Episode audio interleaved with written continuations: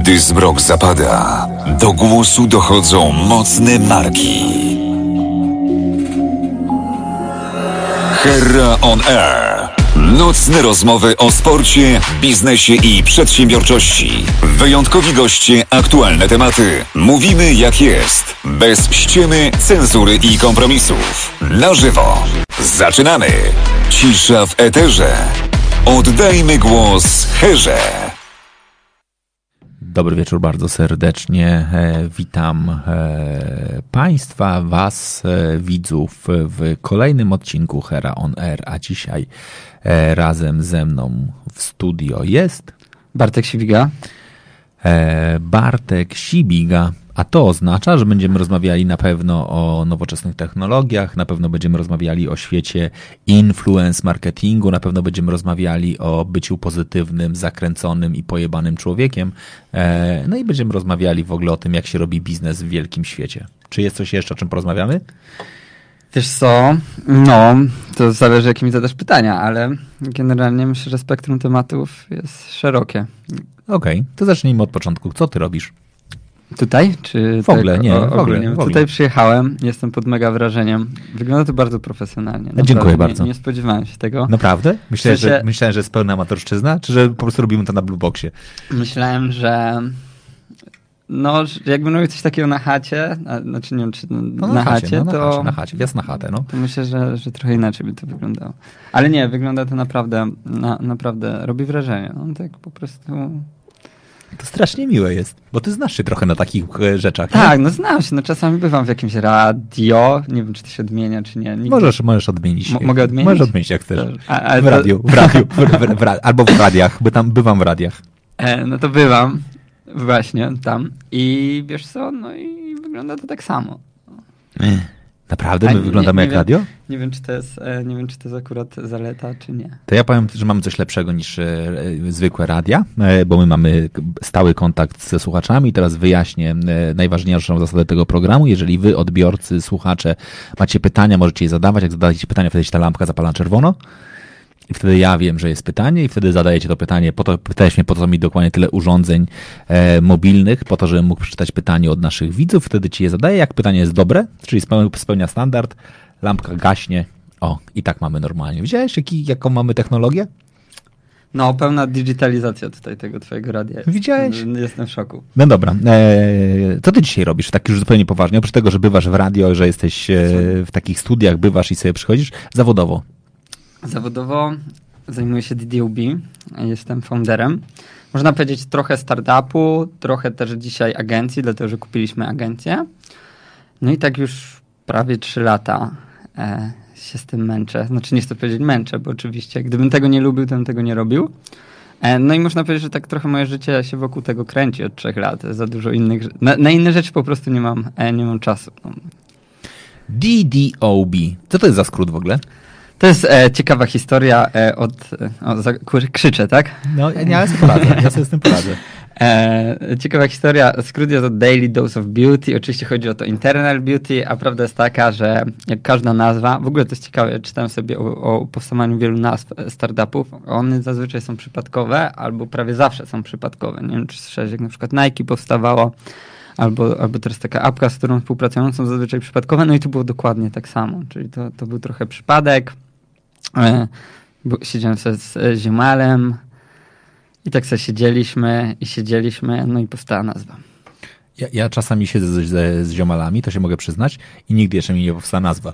Nigdy ci nie No jak, a Hera Oner to... A to akurat bez, bez ziomala, na szczęście. Ziomala. To, to, to, to, myślę, że to nie jest zbyt skomplikowane, e, żeby powstało Hera Oner, ale to, to dobra. I co wy robicie jako DDOB? Wiesz co, robimy bardzo dużo rzeczy. Z jednej strony Mamy platformę, gdzie mamy twórców internetowych, zrzeszamy ich w tej chwili 80 tysięcy. No i przede wszystkim to, co robimy, to z jednej strony staramy się ich edukować, z drugiej strony staramy się umożliwić współpracę między sobą, czyli wszelkiego rodzaju kokreację. Staramy się też dawać im różnego, różnego rodzaju nowe możliwości tworzenia. No i też e, łączymy ich z markami oczywiście, no i to po części w ramach agencji, a po części w ramach jakichś tam innych e, funkcji na e, platformach.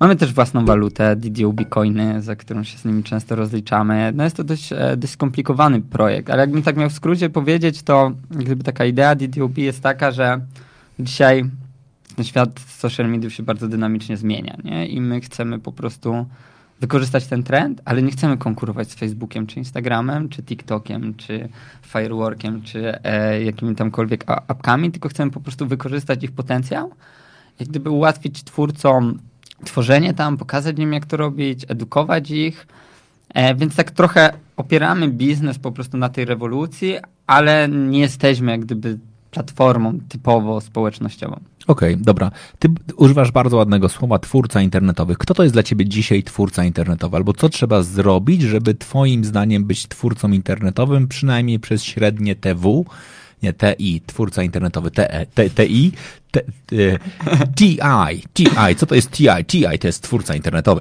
E, I żeby naprawdę móc mówić o takim e, dołączeniu na przykład do społeczności.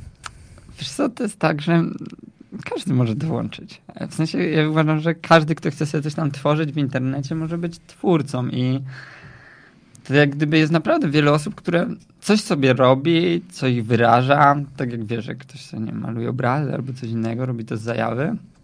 No i jako twórcę traktuję po prostu każdego, który coś tam chce, jakąś swoją ekspresję pokazać w tym, w tym internecie, nawet jak sobie nagrywa storiesy głupsze, mądrzejsze, obojętnie jakie, no to gdzieś tam go traktujemy jako twórcę. Okej. Okay. Definicja jest dość e, szeroka, po prostu jak ktoś poza taką typową, typowym byciem, powiedzmy, widzem, tak, followersem na social mediach, ma potrzebę większego wyrażenia siebie, no ale może nie takiego, że wrzuci raz na pół roku post na fejsie, e, na przykład, że się obraża na rząd albo coś takiego, tylko raczej, raczej jak to jest coś jednak twórczego, tak? Okay. E, no, to, no to go traktujemy jako twórcę. Dobra. E, platformy. Wy jesteście mocni w czym? W czym my jesteśmy mocni? Wiesz co?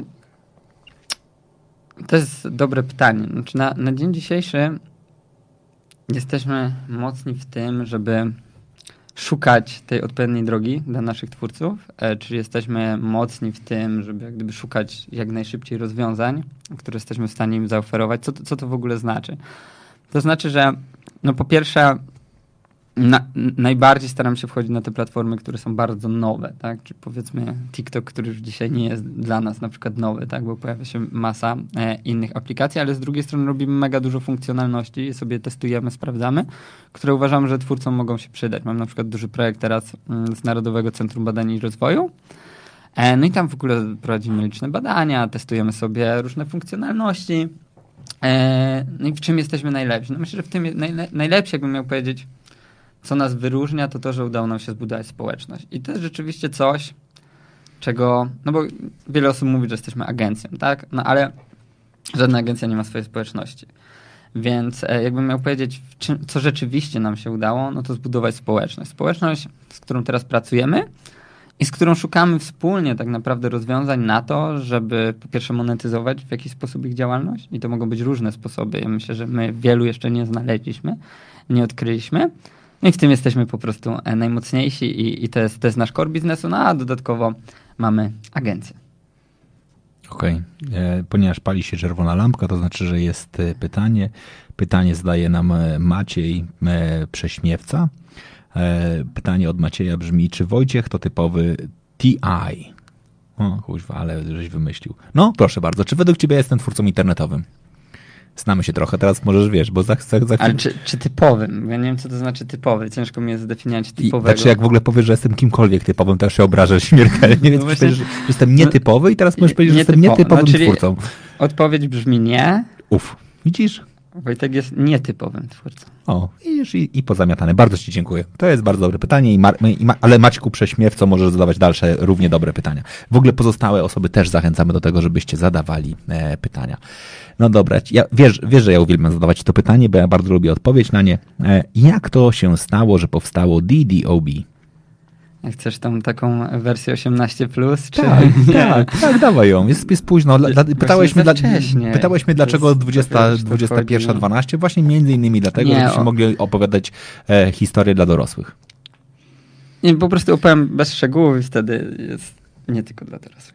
Nie, historia jest e, rzeczywiście taka, i to ktoś sobie może wymyśleć, że ona jest podkoloryzowana, ale ona nie jest. Byłem w kadrze Polski na nartach freestyle'owych. Narty freestyle'owe to jest co? To od razu ja będę tutaj do- dopowiadał, bo to wiesz, że tego większość nie, kam- nie kuma, nie? No bo Narty- no- wiesz, jak jest, wiesz, weź według w ogóle raportów i badań, jak jest najczęściej uprawiany sport przez Polaków? I teraz mówię zupełnie poważnie. Narciarstwo.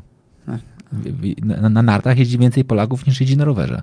Oczywiście to są, to są również, Naprawdę? tak, ale w co się wliczają te wszystkie, wiesz, sylwestrowe zjazdy w jeansach tak, na gubałówce. Moja więc mama jak- też jeździ na nartach, a raczej O. innych sportów. Dokładnie. Widzisz, jest, jest to naprawdę, ciekawe. to jest, cie- Polacy uwielbiają narciarstwo, to faktycznie bardzo często to jest tak, że tam, co to dla pana oznacza, no, że jak, jak się nawaliłem na, na ten, na, na Sylwestra w Zakopanem, to później kolejnego dnia w jeansach poszedłem na głowówkę i zaliczone, zaliczone.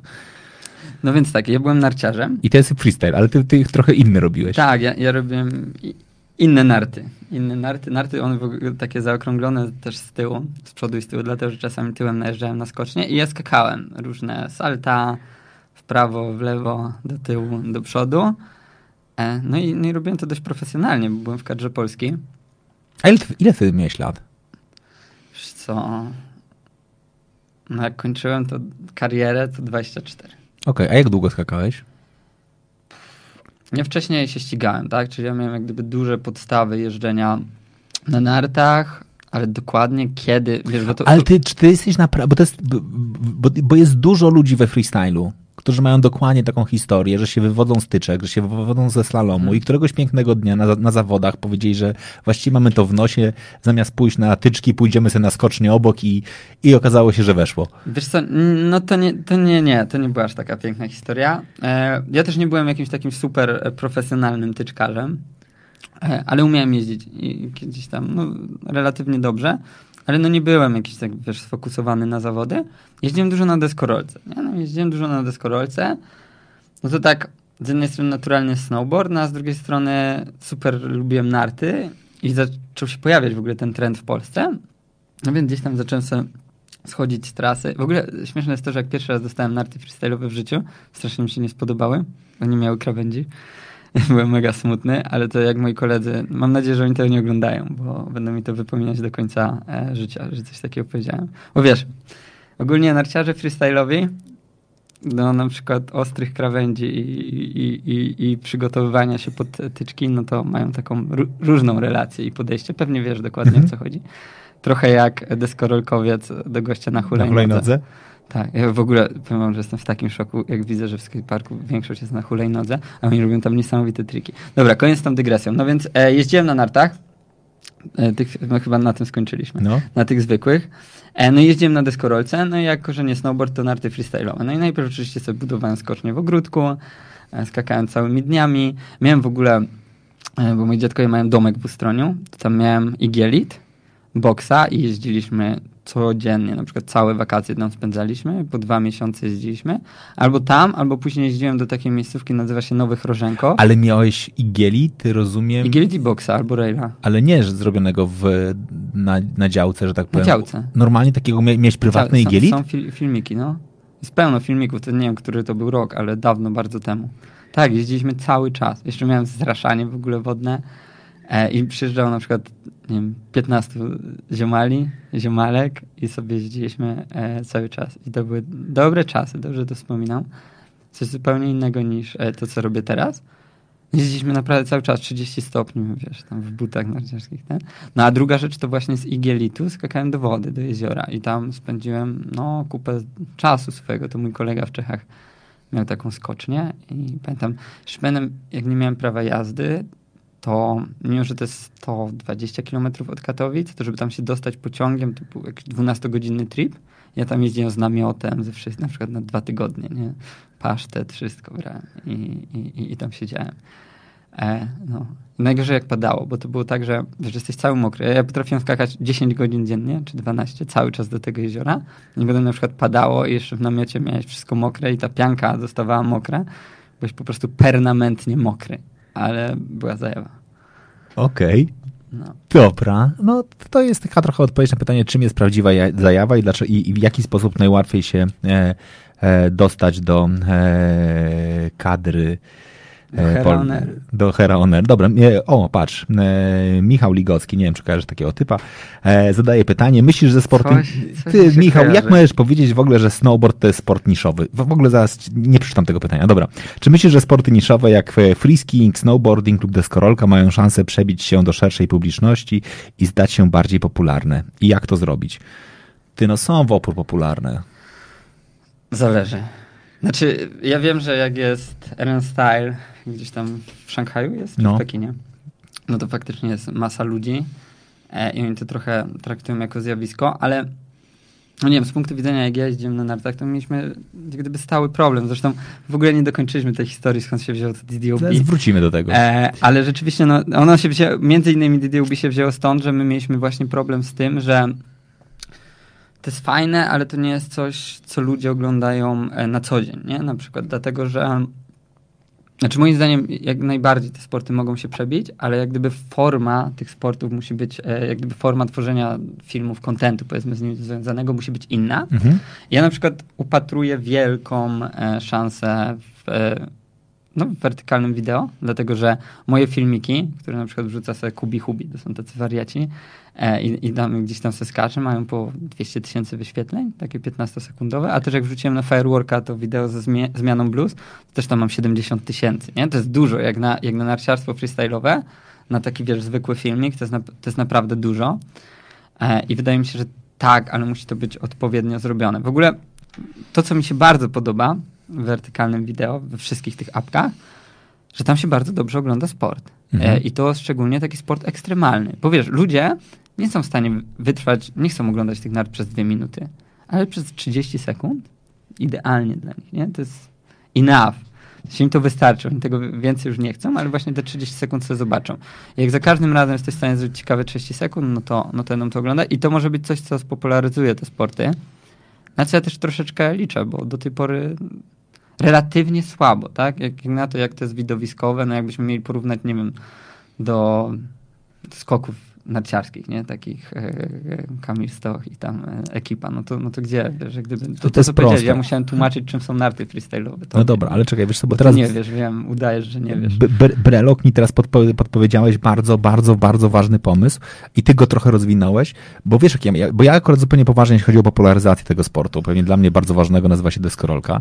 Mam jeden problem. Za 10 miesięcy będą pierwsze Igrzyska Olimpijskie e, w Pekinie, na których będzie deskorolka. Moim zdaniem nikt tego nie będzie oglądał z jednego prostego powodu, bo z wyjątkiem tych ludzi, którzy już dzisiaj znają deskorolkę, nikt pozostały nie zrozumie tego. Znaczy, sorry, no jak zobaczysz zawody deskorolkowe, to będziesz patrzył na to i będziesz mówił, okej, ale co on skleił? Ty, wy musicie zrobić, wy, znaczy wy, w sensie wy twórcy i ja nawet ci mogę też, zresztą ty znasz wszystkich twórców, którzy jakby zajmują się deskorolką, trzeba wyprodukować manual widza. Znaczy trzeba po prostu wyprodukować poszczególne nazwy trików i wykonanie poszczególnych trików, żeby ludzie oglądając wiedzieli, co oni skoczyli. No bo dlaczego ludzie kochają skoki narciarskie? Oprócz tego dlatego, że Polacy tam sobie dobrze radzą. No właśnie, wydaje mi się, że to jest główny powód. Nie, dlatego, że są proste. Że są proste. Są, są banalnie. Znaczy staje gość na górze, jest pokazana kreska, jak daleko leci, jest pokazane dokąd ma dolecieć, żeby pobić rekord i albo wylądował przed, albo po. No Później tak, są ale jakieś punkty, wiatry, później tam, są nie. jakieś punkty za styl, które, których nikt nie rozumie, No ale dobra, ale generalnie... skok w dal do piasku też jest prosty, nie? A ludzie jakoś tego nie oglądają na co dzień. Nie, mi się wydaje, że tutaj jak gdyby historia... Mo- może ja się zupełnie mylę, ale wydaje mi Ty, się, no, ale że... skok, bo tam jeszcze jest w skokach narciarskich jeszcze jedna rzecz pokazana. Prędkość na belce. Ludzie są w stanie sobie wyobrazić, to znaczy 108 Nie, no km tak, na to- godzinie. No tak, tak, tak. A wiesz, jaką ma na belce w skoku narciarskim? Znaczy w skoku do piasku? W dal, w dal normalnym? Ja też nie wiem, jaką ma, ale to, to, to nie, nie ma 108, no. Szczerze mówiąc, myślę, że to jest kwestia mediów. A, I tego, że oni wykreowali ten sport. Zresztą podobno ZDF miał umowę na x tam lat podpisaną, jeszcze zanim w Polsce to było. No i teraz jest dokładnie to samo z TVP, nie? nie? Niezależnie od wyników. My będziemy te skoki oglądać jeszcze przez następne dziesiątki lat. Dajmy Bogu, że znaczy, miejmy nadzieję, że to będzie jakby razem z wynikami, znaczy, że będziemy Tak, oglądać, a nasi, nadzieję, a nasi dalej będą z skakać. wynikami, ale wydaje mi się, że, że właśnie nie do końca się z tym zgodzę. To jest, e, to jest rzeczywiście tak, że wiesz, im więcej czegoś oglądamy, tak, tym bardziej Tym to bardziej się lubimy. edukujemy i się- i- i tak, się edukujemy się z jednej strony, ale tym bardziej też to lubimy, tak, no to, to No. pewnie doskonale znasz e, to z marketingu. Więc to jest też równowaga taka poznawcza, nie? Też, e, No. też, też faktycznie im więcej na czymś czasu spędzamy.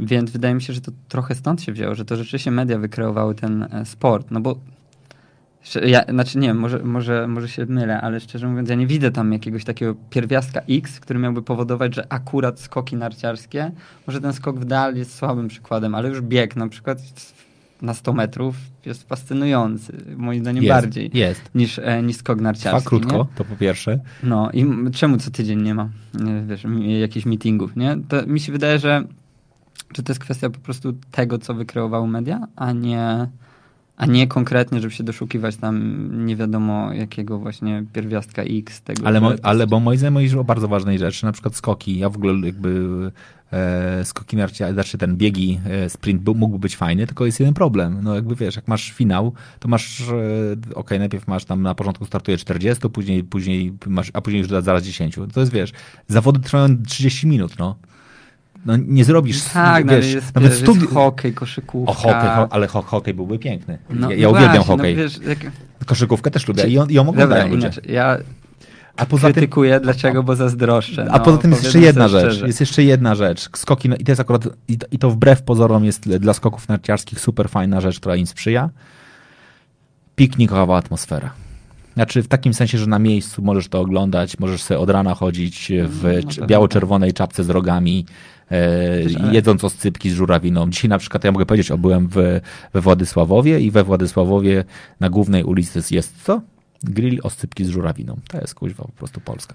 No, e... ale wiesz co, wydaje mi się, że 15 lat temu tego nie było, nie? I nikt się jakoś za bardzo tym nie interesował. Może się mylę, a może byłem za młody wtedy i mnie to ominęło, ale wydaje mi się, że nikt się tym po prostu nie interesował, a w momencie jak zaczęliśmy osiągać sukcesy, jak to się pojawiło mhm. po prostu w telewizji, jak media zaczęły e, kreować to na taki sport narodowy, no to w tym momencie on się stał popularny. Ty, no, na pierwsze zawody organizowane w Polsce e, telewizja, która robiła transmisję, zwoziła widzów autokarami, tak? No, normalnie z, z wiosek jakby okolicznych, no. żeby ich po prostu zapełnić, bo no musieli no być w obrazku widzowie, którzy stoją pod, pod, pod stocznym, ale później, no pod, stocznym, pod, pod skocznią, no i później już zażarło, więc jakby to się, to się udało zrobić. No dobra.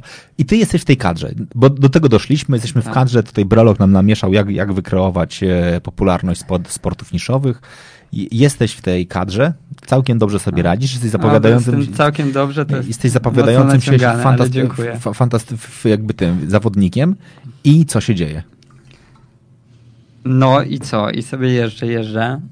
Jeszcze w ogóle było tak, bo to jest też e, ważna taka perspektywa. Dla, dlatego ja chyba tak zazdroszczę tym skoczkom, że jak byliśmy w kadrze, to no nie było kolorowo. Generalnie no raczej starty w Pucharach Świata to tak musieliśmy se sami e, często organizować hajs. Mhm. I rzeczywiście kombinowaliśmy jak się da. Kręciliśmy dużo filmów, szukaliśmy sponsorów. Zresztą ostatni film, który nakręciliśmy, taki to był dokument, dość fajny. Nawet zapełniliśmy wszystkie kina. Intel był naszym głównym partnerem. E, no i tak, no szukaliśmy różnych możliwości, żeby sobie opłacić, po prostu nie, nie, nie żeby zarabiać, tak, ale żeby sobie jakoś opłacić te wszystkie wyjazdy, te wszystkie podróże, te wszystkie treningi, ale też często Puchary Świata. Zresztą tak naprawdę my nie pojechaliśmy do Soczi trochę dlatego, że nie było pieniędzy. Tak? Mhm. Ostatnie starty były gdzieś tam w Stanach, mieliśmy podstawy kwalifikacji, ja i Szczepan, ale, ale, no, ale coś tam nie wyszło. E, no i co, no jeździłem, jeździłem, ale no właśnie też zebrałem takie doświadczenie, no może poniekąd teraz produkcji filmowej, troszeczkę z social mediów, ale też gdzieś ze współpracy z markami, nie? Jakieś tam bardzo pobieżne to było, no bo to jak tam jeden partner, to, to, to nie było szału, no ale gdzieś, gdzieś, gdzieś, gdzieś tam, gdzieś tam jakieś zebrałem. No i potem Rozwaliłem kolano. W ogóle zrobiłem to. Ale co właśnie, no dobra, bo ja, ja no. wiem, że ty miałeś kontuzję kolana, ale ja, ja trochę, przepraszam bardzo, to już jest trochę czasu od tego minęło, to już nie są bolesne wspomnienia. Ty to za, za, na, na, zawodach, na treningu, czy po prostu normalnie jest, wychodząc z knajpy? To jest ciekawe. To było tak. Zerwałem na PWO Polish Frisky Open. Hmm, znaczy, właśnie nie wiadomo, czy wtedy zerwałem, nie? Ale wtedy upadłem i mnie bardzo bolało. Bolało mnie tak, że dziewczyny na after mnie musiały wieść na sankach, ale już wróciłem sam. Aha, czyli No, jak, jak, jak to na after, no? no after, after podobno potrafi wyleczyć z, naj, z najtrudniejszych no, Wyleczył. No, gdybym tam posiedział trzy dni, to pewnie bym dalej jeździł na nartach, a nie robił jakieś głupoty w internecie. I co? No i, no i co? Wróciłem z tego aftera. No nie, no i był problem, ewidentnie. Poszedłem do rehabilitanta i ogólnie wszyscy mówili, że nie, no jak tam może stać, jak wygląda na stabilne, no to luz. Rehabilitacja, tam dwa miesiące czy ileś, wracasz. No i wróciłem i pierwszego dnia skoczyłem trik taki, wiesz, pewny, wylądowałem idealnie i totalnie mi uciekło w bok. O Jezus. Kolano. E, no i prawdopodobnie wszyscy mówią, że to już po prostu było wcześniej zrywane, nie? Mhm. Tylko rzeczywiście jest tak, w ogóle na olimpiadzie, Ale czyli, czyli podsumiałeś bardzo mocne mięśnie. no właśnie to wprost. chciałem powiedzieć, że na olimpiadzie na przykład zawsze jest przynajmniej trzech, czterech zawodników, którzy startują z zerwanym więzadłem, Mhm. no bo nie mogą zrobić operacji przed, tak, Mhm. no bo to, to jednak ten okres e, potem jest bardzo długi rehabilitacji, więc startują zerwanym. I jak masz mocne mięśnie, to, to tak naprawdę najgorzej jak lądujesz tak na, na proste nogi, nie? Tak Mhm. na luzie. No i właśnie dokładnie to zrobiłem.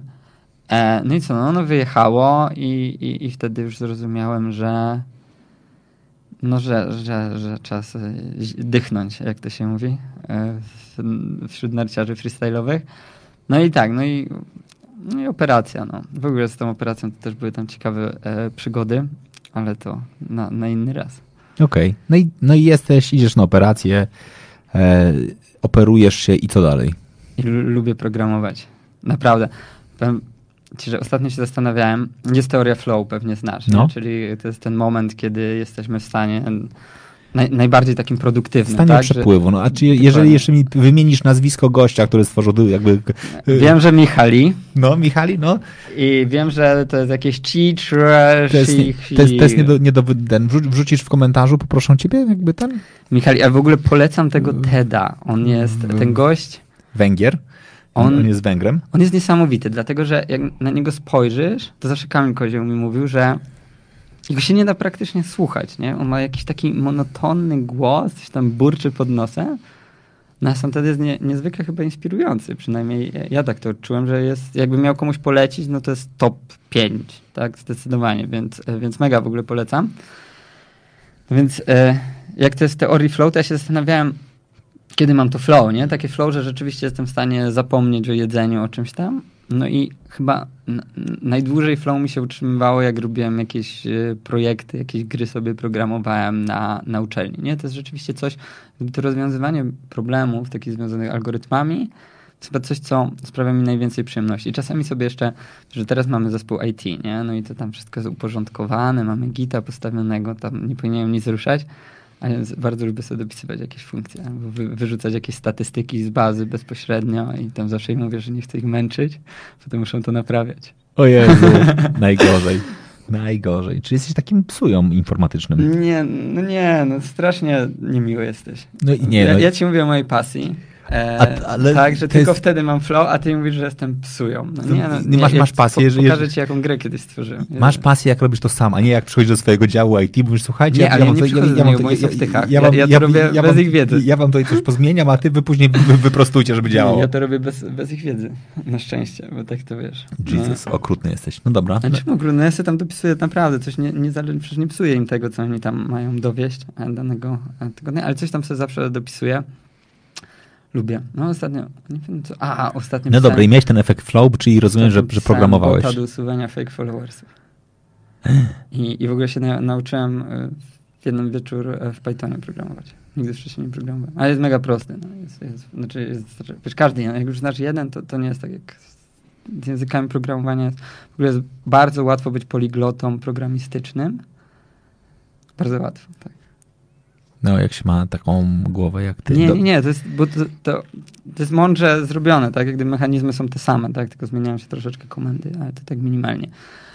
E, no i co? A, no i lubiłem programować, więc e, stworzyłem sobie pierwszą wersję platformy. Tam sobie też jakieś Ale co, mi, napisałem. co, co miała robić ta platforma jakby pierwotnie?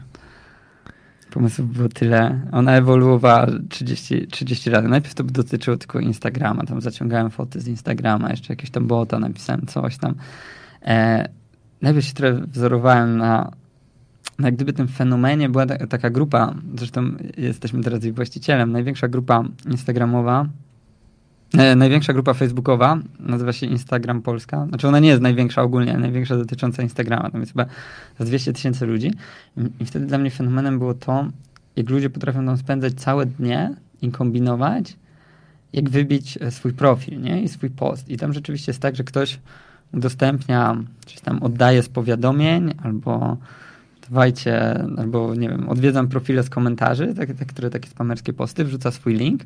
No i potem potrafi na przykład sobie z trzech innych kont w ogóle to podbijać, żeby to było wyżej w algorytmie, żeby więcej osób zaczęło, żeby więcej followersów mu przyszło. I jak gdyby ten mechanizm mnie fascynował, tak? I myślałem, że przełożę to. E, no to to był głupi pomysł, a jak wiele moich pomysłów, myślałem, że przełożę to po prostu, że wyciągnę tych ludzi z tej grupy i postawię ich e, na swoim serwisie. E, no ale to się nie udało. Nie? Nie. Ojej. Ale udała się inna wersja po którejś tam e, próbie i dzisiaj rzeczywiście, no nie, no generalnie model biznesowy oparty na tym, że skopiujemy coś, co działa i na, nawet na przykład Facebooka i, i będziemy liczyć, że to się uda, no jest dość naiwnym modelem. Tak? A kiedy, kiedy na to wpadłeś? Znaczy, kiedy się naprawdę jakby o tym przekonałeś tak, tak w 100%? No jak, że... jak nikt tam nie wchodził na tą stronę. Okej. czyli, czyli stworzyłeś coś, A co... bardzo się starałem, żeby wchodzili. Okej, dobra. E- Czyli kombinowałeś, kombinowałeś nic. Tak, no nie, bo mamy, dzisiaj jest taka tendencja, nie, że się kopiuje różne rzeczy. Zresztą my, my, ja też to cza- czasem wpadam w tą pułapkę, tak, że o kurde, ktoś to zrobił, w konkurencja, też to musimy mieć, no ale to, to w ogóle nie o to chodzi, nie? Mhm. Znaczy chyba, że chcemy zostać na tym poziomie, na którym jesteśmy do końca świata, no ale jak gdyby, no nie tak się tworzy innowacje, tak, no, generalnie trzeba szukać rzeczy, których nie ma, no powiedzmy, że no, robimy rzeczy, których nie ma w tej chwili, rzeczywiście. Te rzeczy, które e, robimy pod tym projektem ACBR-u, to są wszystko projekty, których myślę, że można znaleźć jak gdyby jakieś podobieństwa, ale, ale te rzeczy, które będziemy testować, ich po prostu na świecie nie ma. Większość z nich nie wypali, ale wierzymy, że po prostu wiesz, w ramach ilości interakcji coś się uda i to coś to będzie coś dużego, wielkiego, coś, co będzie skalowalne. Mhm. Okej. Dobra, jak na razie zaczynasz mówić już takie rzeczy, których ja kompletnie nie ogarniam. Znaczy, to, że jeszcze będziemy testować rzeczy, których jeszcze nie ma i to, to, to jeszcze rozumiem, ale już do, dochodzi do takiego momentu. Dobra, to na czym polega unikalność DDoB? To właśnie przed chwilą to powiedziałem, ale nie zrozumiałem. No, Nie no, unikalność. Przede wszystkim to, że udało nam się stworzyć społeczność, tak? Bo samych so, ale dobra, co to jest media- społeczność? Bo to jakby wiesz, bo wiesz, ile osób dzisiaj Mhm. mówi o budowaniu społeczności, ludzie mówią o tym, żeby Tak. mieć community management, ludzie mówią, że dokładnie twoja społeczność to wszystko, musimy mieć z, z, zaangażowaną społeczność. Że to jest taki buzzword, który po prostu chodzi, chodzi, chodzi, a, a kim u was jest społeczność? Społeczność to są ludzie, którzy utożsamiają się poniekąd z projektem. Na przykład na Instagramie 500 tysięcy osób otagowało się naszym hashtagiem. Nie? To jest taki zwykły przykład. Nie? I teraz dlaczego oni się tagują? To jest w ogóle ciekawe, bo nie wiem, czy ja już kilkakrotnie też chciałem, tylko nie wiedziałem, czy mogę. Możesz, przykład, czy możesz, na przykład każdy- nie napiszesz każdy do mnie, powiesz, ty kuźwa, ty, usuń ten hashtag, nie jesteś, nie, nie jesteś Możesz, godzien, ja- nie, ja- nie ja jesteś używam. godzien używać hashtaga DDoB. ja używam. I teraz o co w tym wszystkim chodzi? Bo to, to, to może nie jest idealny przykład tego, co my robimy, ale to jest przykład, który myślę, że jest zrozumiały Mhm. dla ludzi, no bo każdy wie, czym jest hashtag na Instagramie. I teraz wiele marek próbowało to zrobić, tak? Wydawało duże pieniądze, żeby to zrobić. My nie wydaliśmy nigdy pieniędzy, żeby to zrobić. Po prostu udało nam się to wykreować. Generalnie w taki sposób, że, że oferowa... jak gdyby na początku zachęcaliśmy ludzi, żeby się tagowali, tak, bo repostowaliśmy u siebie, tak, Mhm. co jakiś czas jakiś tam profil. I to się na tyle nakręciło, że dzisiaj po prostu ludzie się utożsamiają z DDoB. DDoB ma jakieś wartości, które ludzie chcą się z nimi utożsamiać, chcą się otagować, bo chcą się pokazać, tak, że się utożsamiają z tymi wartościami. Mhm. No i to jest forma budowania społeczności, tak? Czy mamy osoby, które gdzieś tam w jakiś sposób utożsamiają się z naszą marką. I teraz takie społeczności, na przykład przy influencerach, są bardzo silne, tak? E, I rzeczywiście w stosunku do osoby jest znacznie łatwiej to stworzyć niż w stosunku do marki. Zresztą dzisiaj też mamy taki okres, że wszystkie historie są budowane na twarzach, nie? Mhm. Już nie, nie, nie robimy no na twarzach, ewentualnie jakichś tam animowanych e, potworkach, jak Mhm. e, nie wiem, Vivus albo Ziemniak z New Mobile, e, z którym mam ostatnio trochę do czynienia.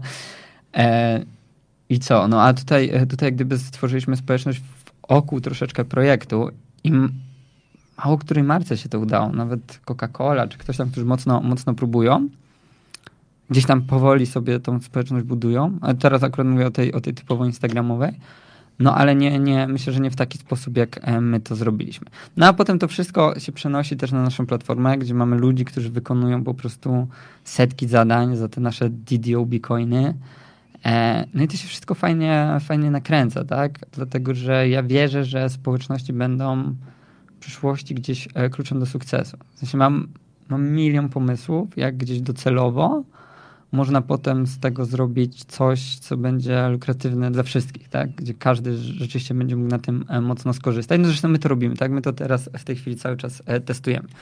Jak wiadomo, pomysł to jest jeszcze bardzo mało, tak? I każdy może mieć milion pomysłów, no ale zobaczymy, co w praktyce wyjdzie.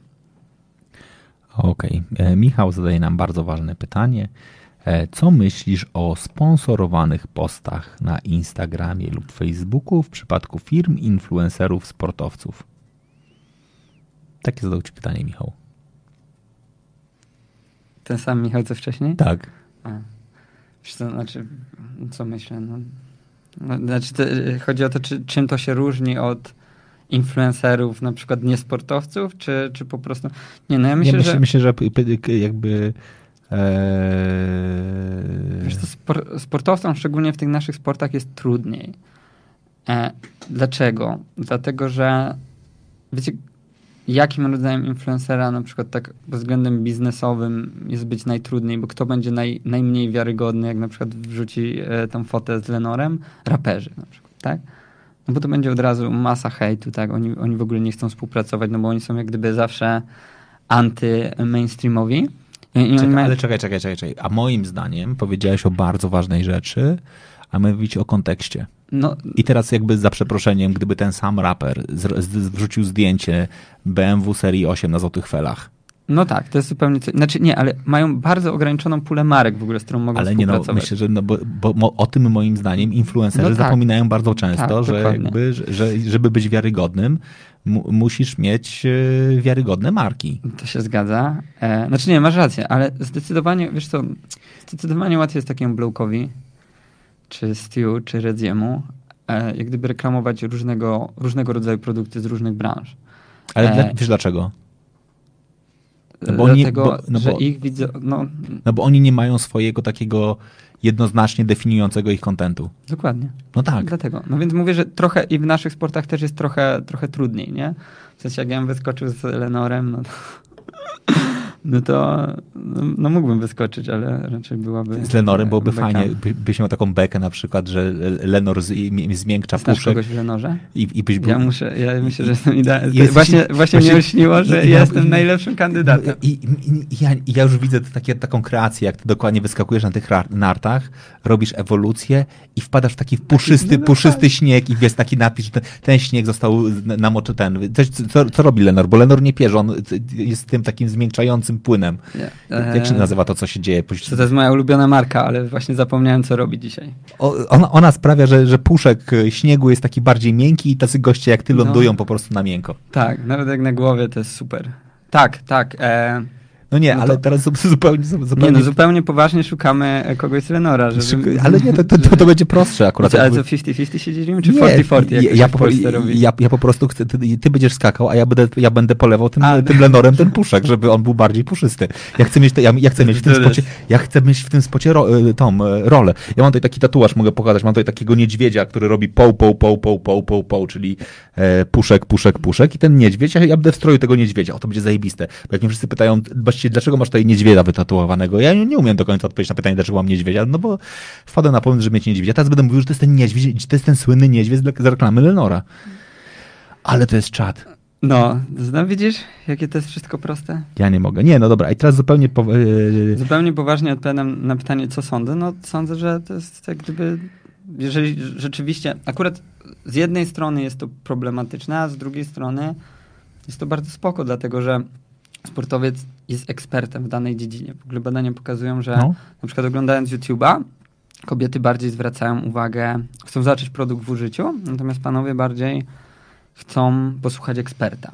Tak? No i jeżeli jesteś profesjonalnym sportowcem, no to jesteś ekspertem, mhm. jesteś bardzo wiarygodny w tym, na przykład jakie portki ubrać na narty, nie? albo mhm. jakie, jakie ubrać narty, e, jakie wiązania, mhm. e, czy jeździć w kasku, w takich aspektach jesteś, jesteś bardzo wiarygodny, bo jesteś specjalistą, robisz to na co dzień i możesz o tym e, dużo powiedzieć. Jesteś praktykiem. No dobra, teraz y, jakby naturalnie, bo, bo, bo ja, ja, nie chciałbym zostawić Michała akurat tutaj bez odpowiedzi, bo moim zdaniem faktycznie mhm. bardzo częstym problemem jest to, że my mówimy, kurczę, dobra, znajdźmy brandy, które mają budżet, a zapominamy dokładnie, znajdźmy brandy, które będą kontekstowe. Ja niestety jestem absolutnie jednym z tych gości, który mówi, że kontekst jest w prawie, że wszystkim, jeśli chodzi o e, nowoczesne media. Będąc sportowcem, jesteś absolutnym ekspertem, jeśli chodzi o pakowanie i rozpakowywanie się. W związku z czym wszystkie jakby, no. wszystkie jakby błędy, wszystkie brandy dotyczące walizek, podróży, przepakowywania się, przygotowywania się do, do, do, e, do wyjazdu, powrotu z, z wyjazdu są absolutnie mega fajne.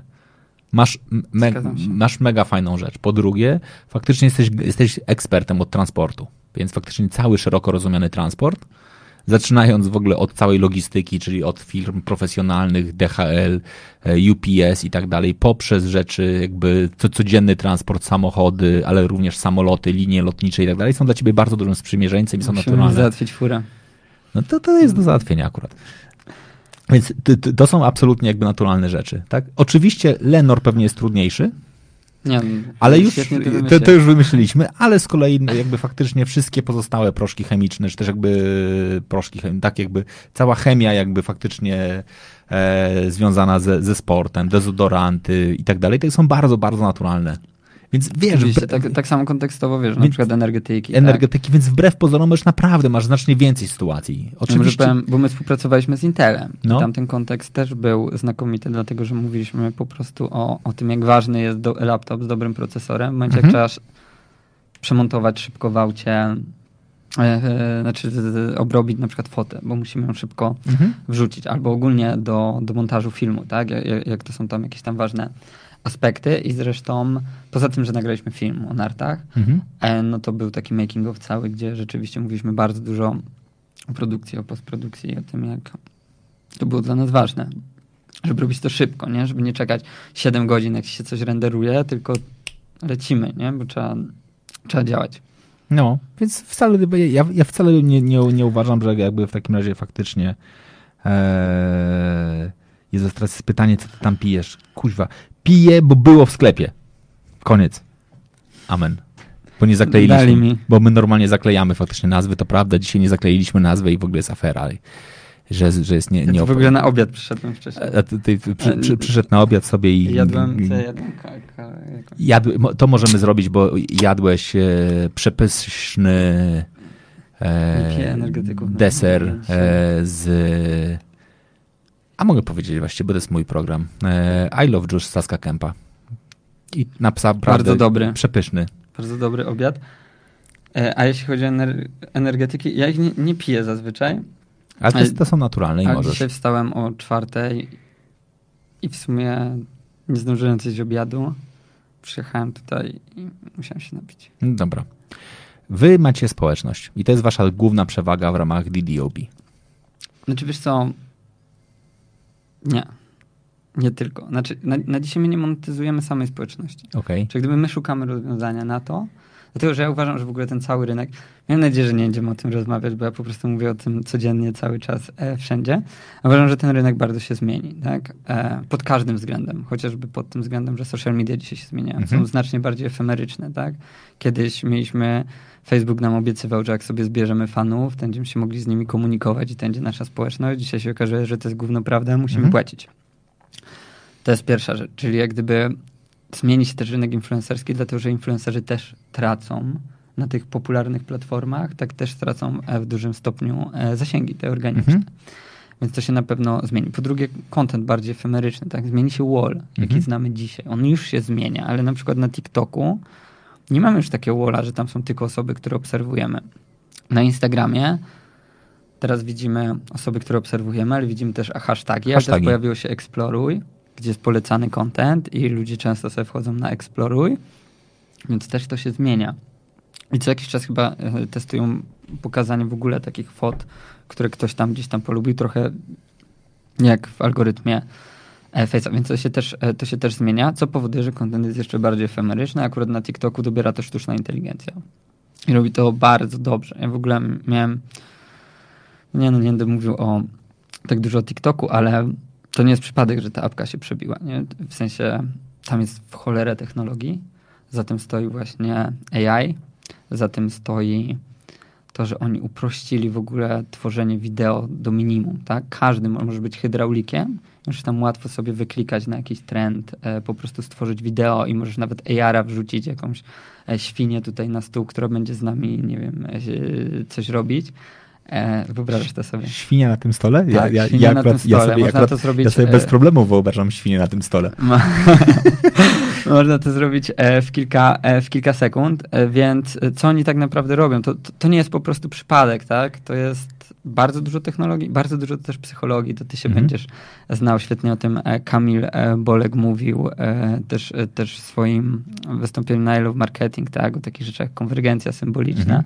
jak fantazmaty grupotwórcze, tam tego jest rzeczywiście pełno, pełno takich aspektów, które powodują też ramowanie kontentu. Oni w ogóle bardzo ciekawie podeszli do s- s- samej formy ramowania, czego na przykład YouTube nie potrafił tak uporządkować kontentu jak TikTok. I to znowu z jednej strony pobudza kreatywność, z drugiej strony daje takie szersze znaczenie tym niektórym filmom, które dla osób spoza TikToka kompletnie ich nie potrafią zrozumieć.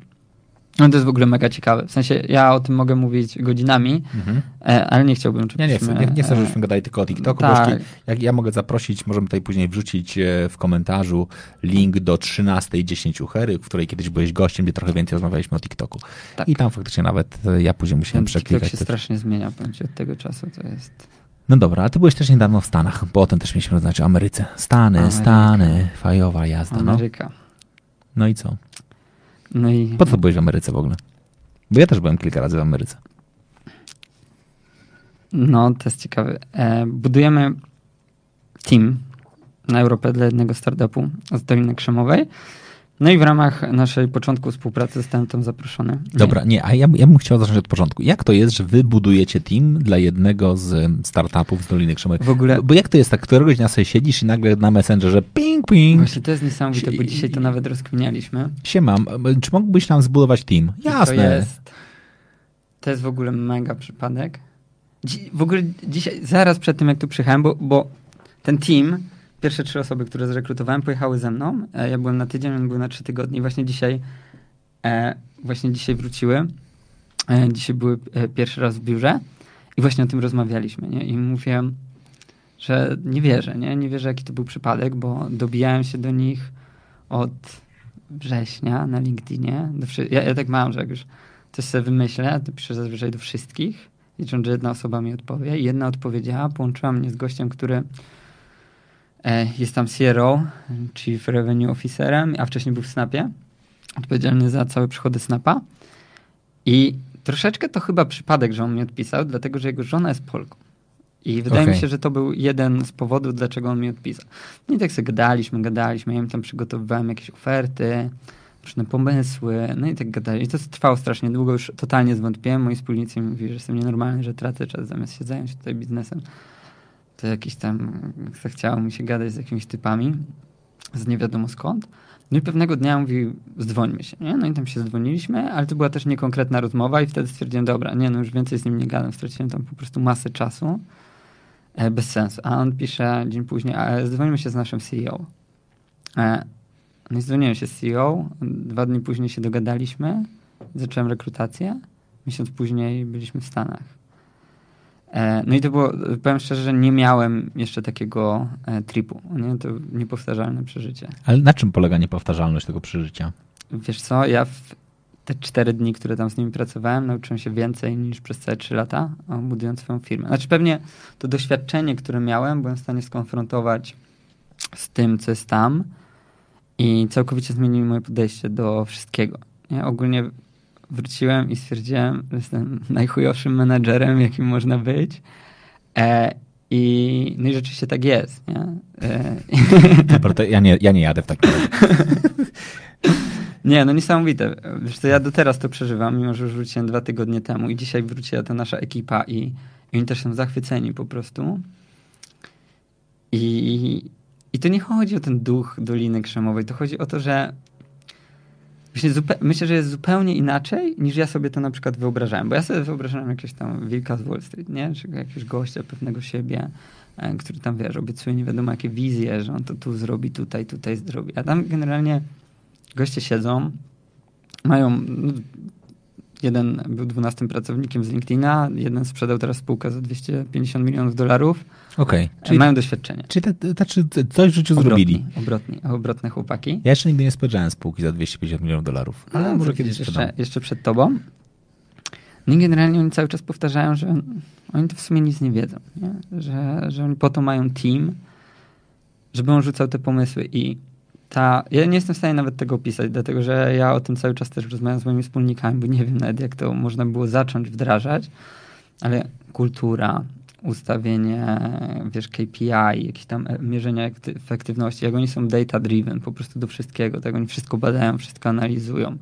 Totalne takie podejście, że właśnie musimy testować, musimy próbować, że coś na pewno wypali, tak, że świetna analiza konkurencji, mega rozeznanie, tak, mega jak gdyby st- strategia ogólna jest bardzo prosta, ale ta taka szczegółowa to jest po prostu testowanie, maksymalna ilość interakcji. Oni tam jak gdyby powiedzmy menadżerowie CEO ma za zadanie tak skonstruować team, żeby on działał jak w zegarku, Mhm. i on działa jak w zegarku. Pod względem komunikacji, pod względem wszystkiego.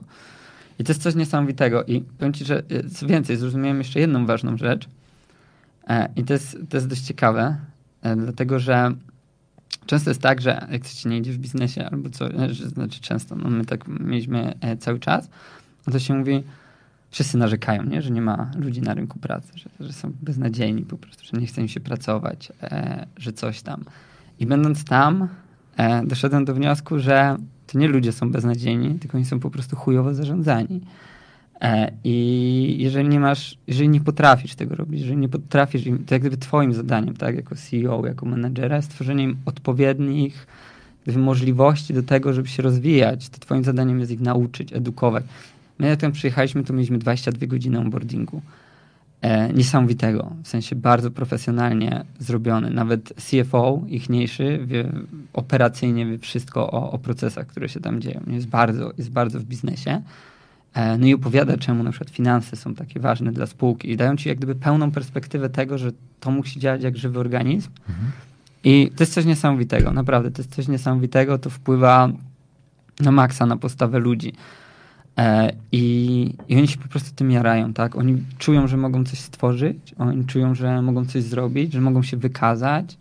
E, tam na przykład no, no nie, no atmosfera, wszystko jest inne. Po prostu wszystko jest tak absurdalnie inne, że jak ja wróciłem, to, to skupiałem, nie? W ogóle nie wiedziałem, co robić, za co się zabrać. Zresztą do teraz nie wiem. Powoli sobie próbuję to ułożyć w głowie, ale jest to, jest to cholernie ciężkie. Natomiast pierwsza rzecz, e, którą zdecydowanie stwierdziłem, to, to, to nie tak, że milenialsi, generacja Z jest roszczeniowa i z nimi się nie da nic zrobić, tylko po prostu trzeba im stworzyć optymalne warunki do tego, żeby oni mogli działać.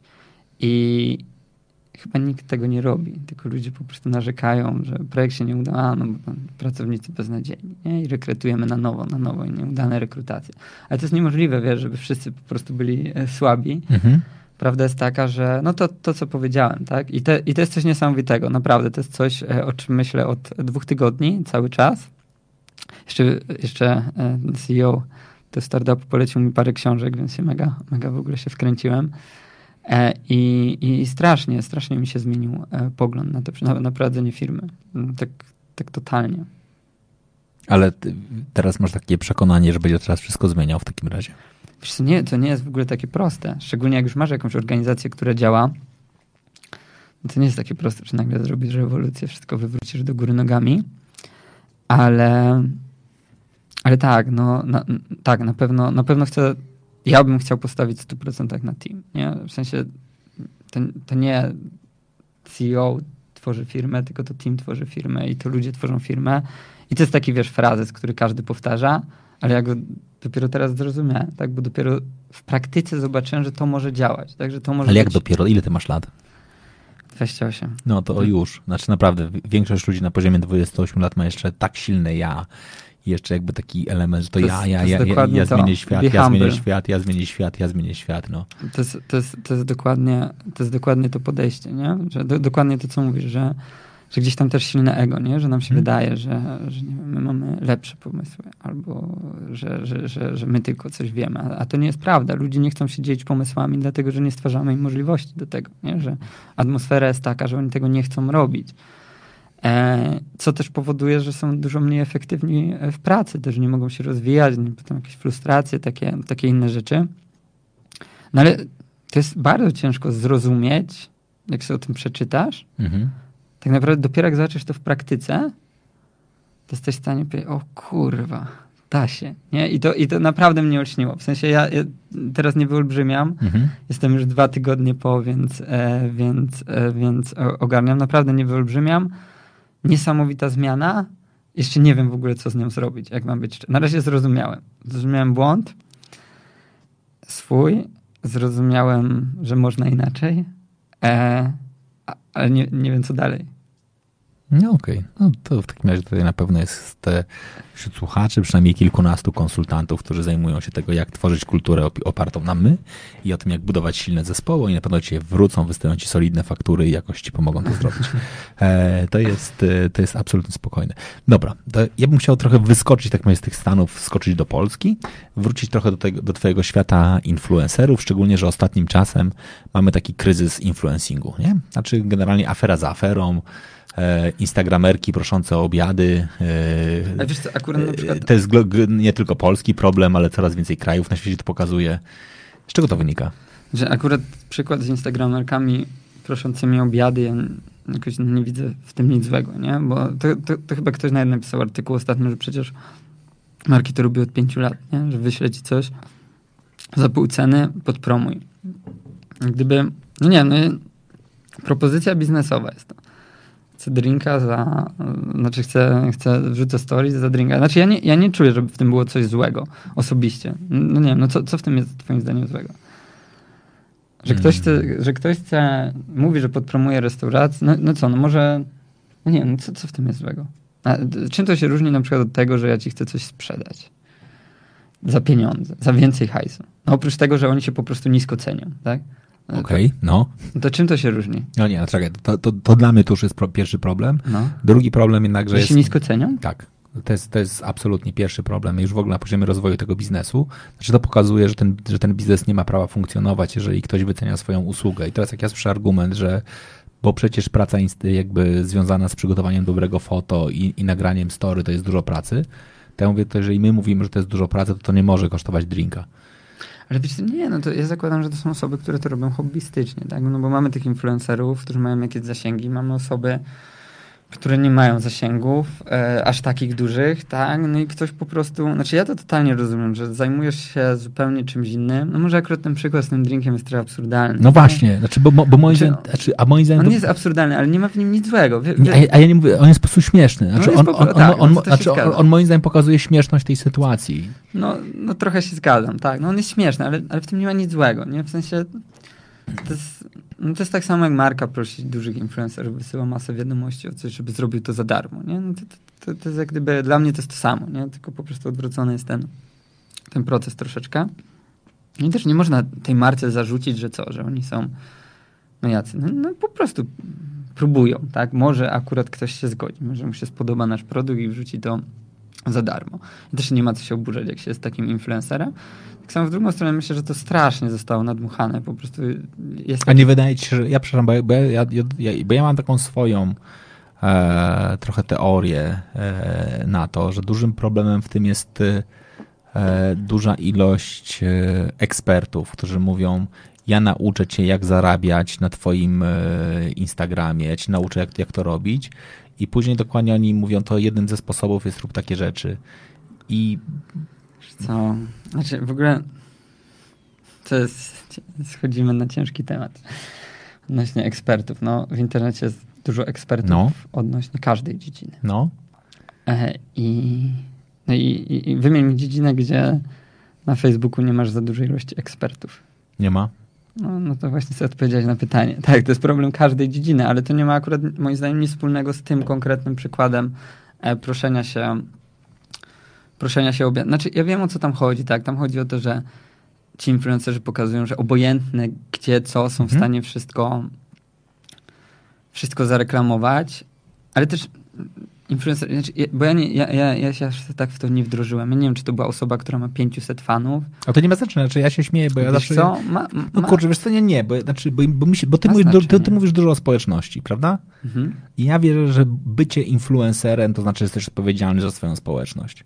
Ja, ja bardzo dużo, No dobra, ale- ja, ja dużo publikuję postów, że coś mi zrobiło dzień, że coś jest pozytywne. Dzisiaj wracając z Gdańska, jadłem w zajeździe, to się, nie wiem, czy to się nazywa zajazd, jadłem w Spelunie pod Sosnami, która ma najlepszą, mo- moim zdaniem, kiełbasę z, z rożna, jaką w życiu jadłem. I oczywiście opublikowałem post. Dlaczego? Bo zapłaciłem uczciwie 17 zł za żurek i kiełbasę.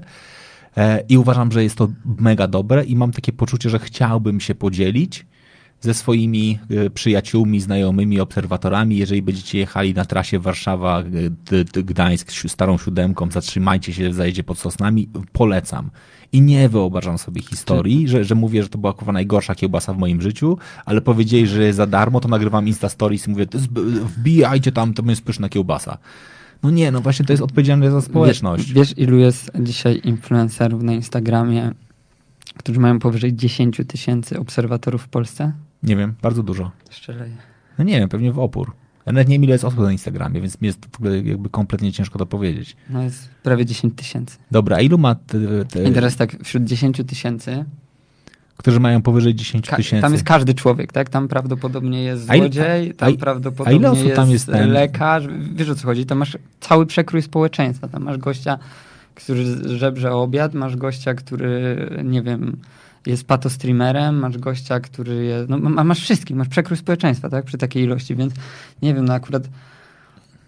Nie wiem, no jak, mnie to jakoś ogólnie nie rusza. W sensie, moim zdaniem, po prostu jest znowu trochę jak z tymi skokami narciarskimi. No jest to modne, tak, żeby Okej. teraz krytykować influencerów.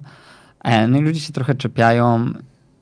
Nawet jeżeli tam rzeczywiście było coś złego, no to musimy sobie zdawać sprawę, no dobra, no mamy 10 tysięcy influencerów. Okej, trzy osoby wysłały. Nawet, Trzy, nawet 300, nie? No ale jest, jest, Okej. jest ca cała masa innych i to... To mi odpowiada na, na, na główne pytanie. No. O, to cieszę się, że w taki sposób cię przekonałem. Naprawdę W ogóle- 10 tysięcy osób ma powyżej 10 Ja ci, tysięcy ja ci pokażę, e, mam pełne statystyki. Jezus Maria. E, my mamy w bazie w tej chwili 19 tysięcy osób na Instagramie, e, ale bardzo mało mamy tych między 1 a 10. E, czyli, no tak, to będzie ponad 10 tysięcy. W ogóle mamy statystyki na przykład dotyczące engagement rate'u w Polsce. Bo jest, powiedziałeś, że jest dużo ekspertów, nie? Jak my wypuściliśmy dość kontrowersyjny film, to To prawda. każdy no. się wypowiedział, nie? I porównywali na przykład engagement rate, jakieś tam wykresy wklejali, tylko nikt nie ma danych. W sensie to są dane ze Stanów. Które są, na przykład engagement rate rzeczywiście tam jak pomiędzy 600 tysięcy a milion w Stanach. Po pierwsze, jak jest, 2%. jak jest definiowany engagement rate, tak jakby A to, oficjalnie? jest, to, jest, e, to jest właśnie bardzo ciekawe, bo zauważyłem, że każdy to definiuje inaczej. Ja ci mogę powiedzieć, jak my to robimy. E, bo szukaliśmy tak naprawdę metodą prób i błędów. Mhm. takiej najbardziej obiektywnej metody i wymyśliliśmy sobie, że to będzie engagement rate z ostatnich 13 postów pod warunkiem, że pierwszy... Da, dlaczego z 13? Dlatego, że my nie chcemy badać engagement rate'u, który ktoś miał rok temu. Mhm. Więc analizując influencerów wyszło nam, że 13 to jest taka idealna liczba, która zazwyczaj po, pokrywa miesiąc publikacji. Oczywiście u kogoś to będzie 5 miesięcy, u kogoś to będzie tydzień, jak ktoś e, wrzuca strasznie dużo. No, ale wybraliśmy sobie 13 albo 12, już teraz nie będę.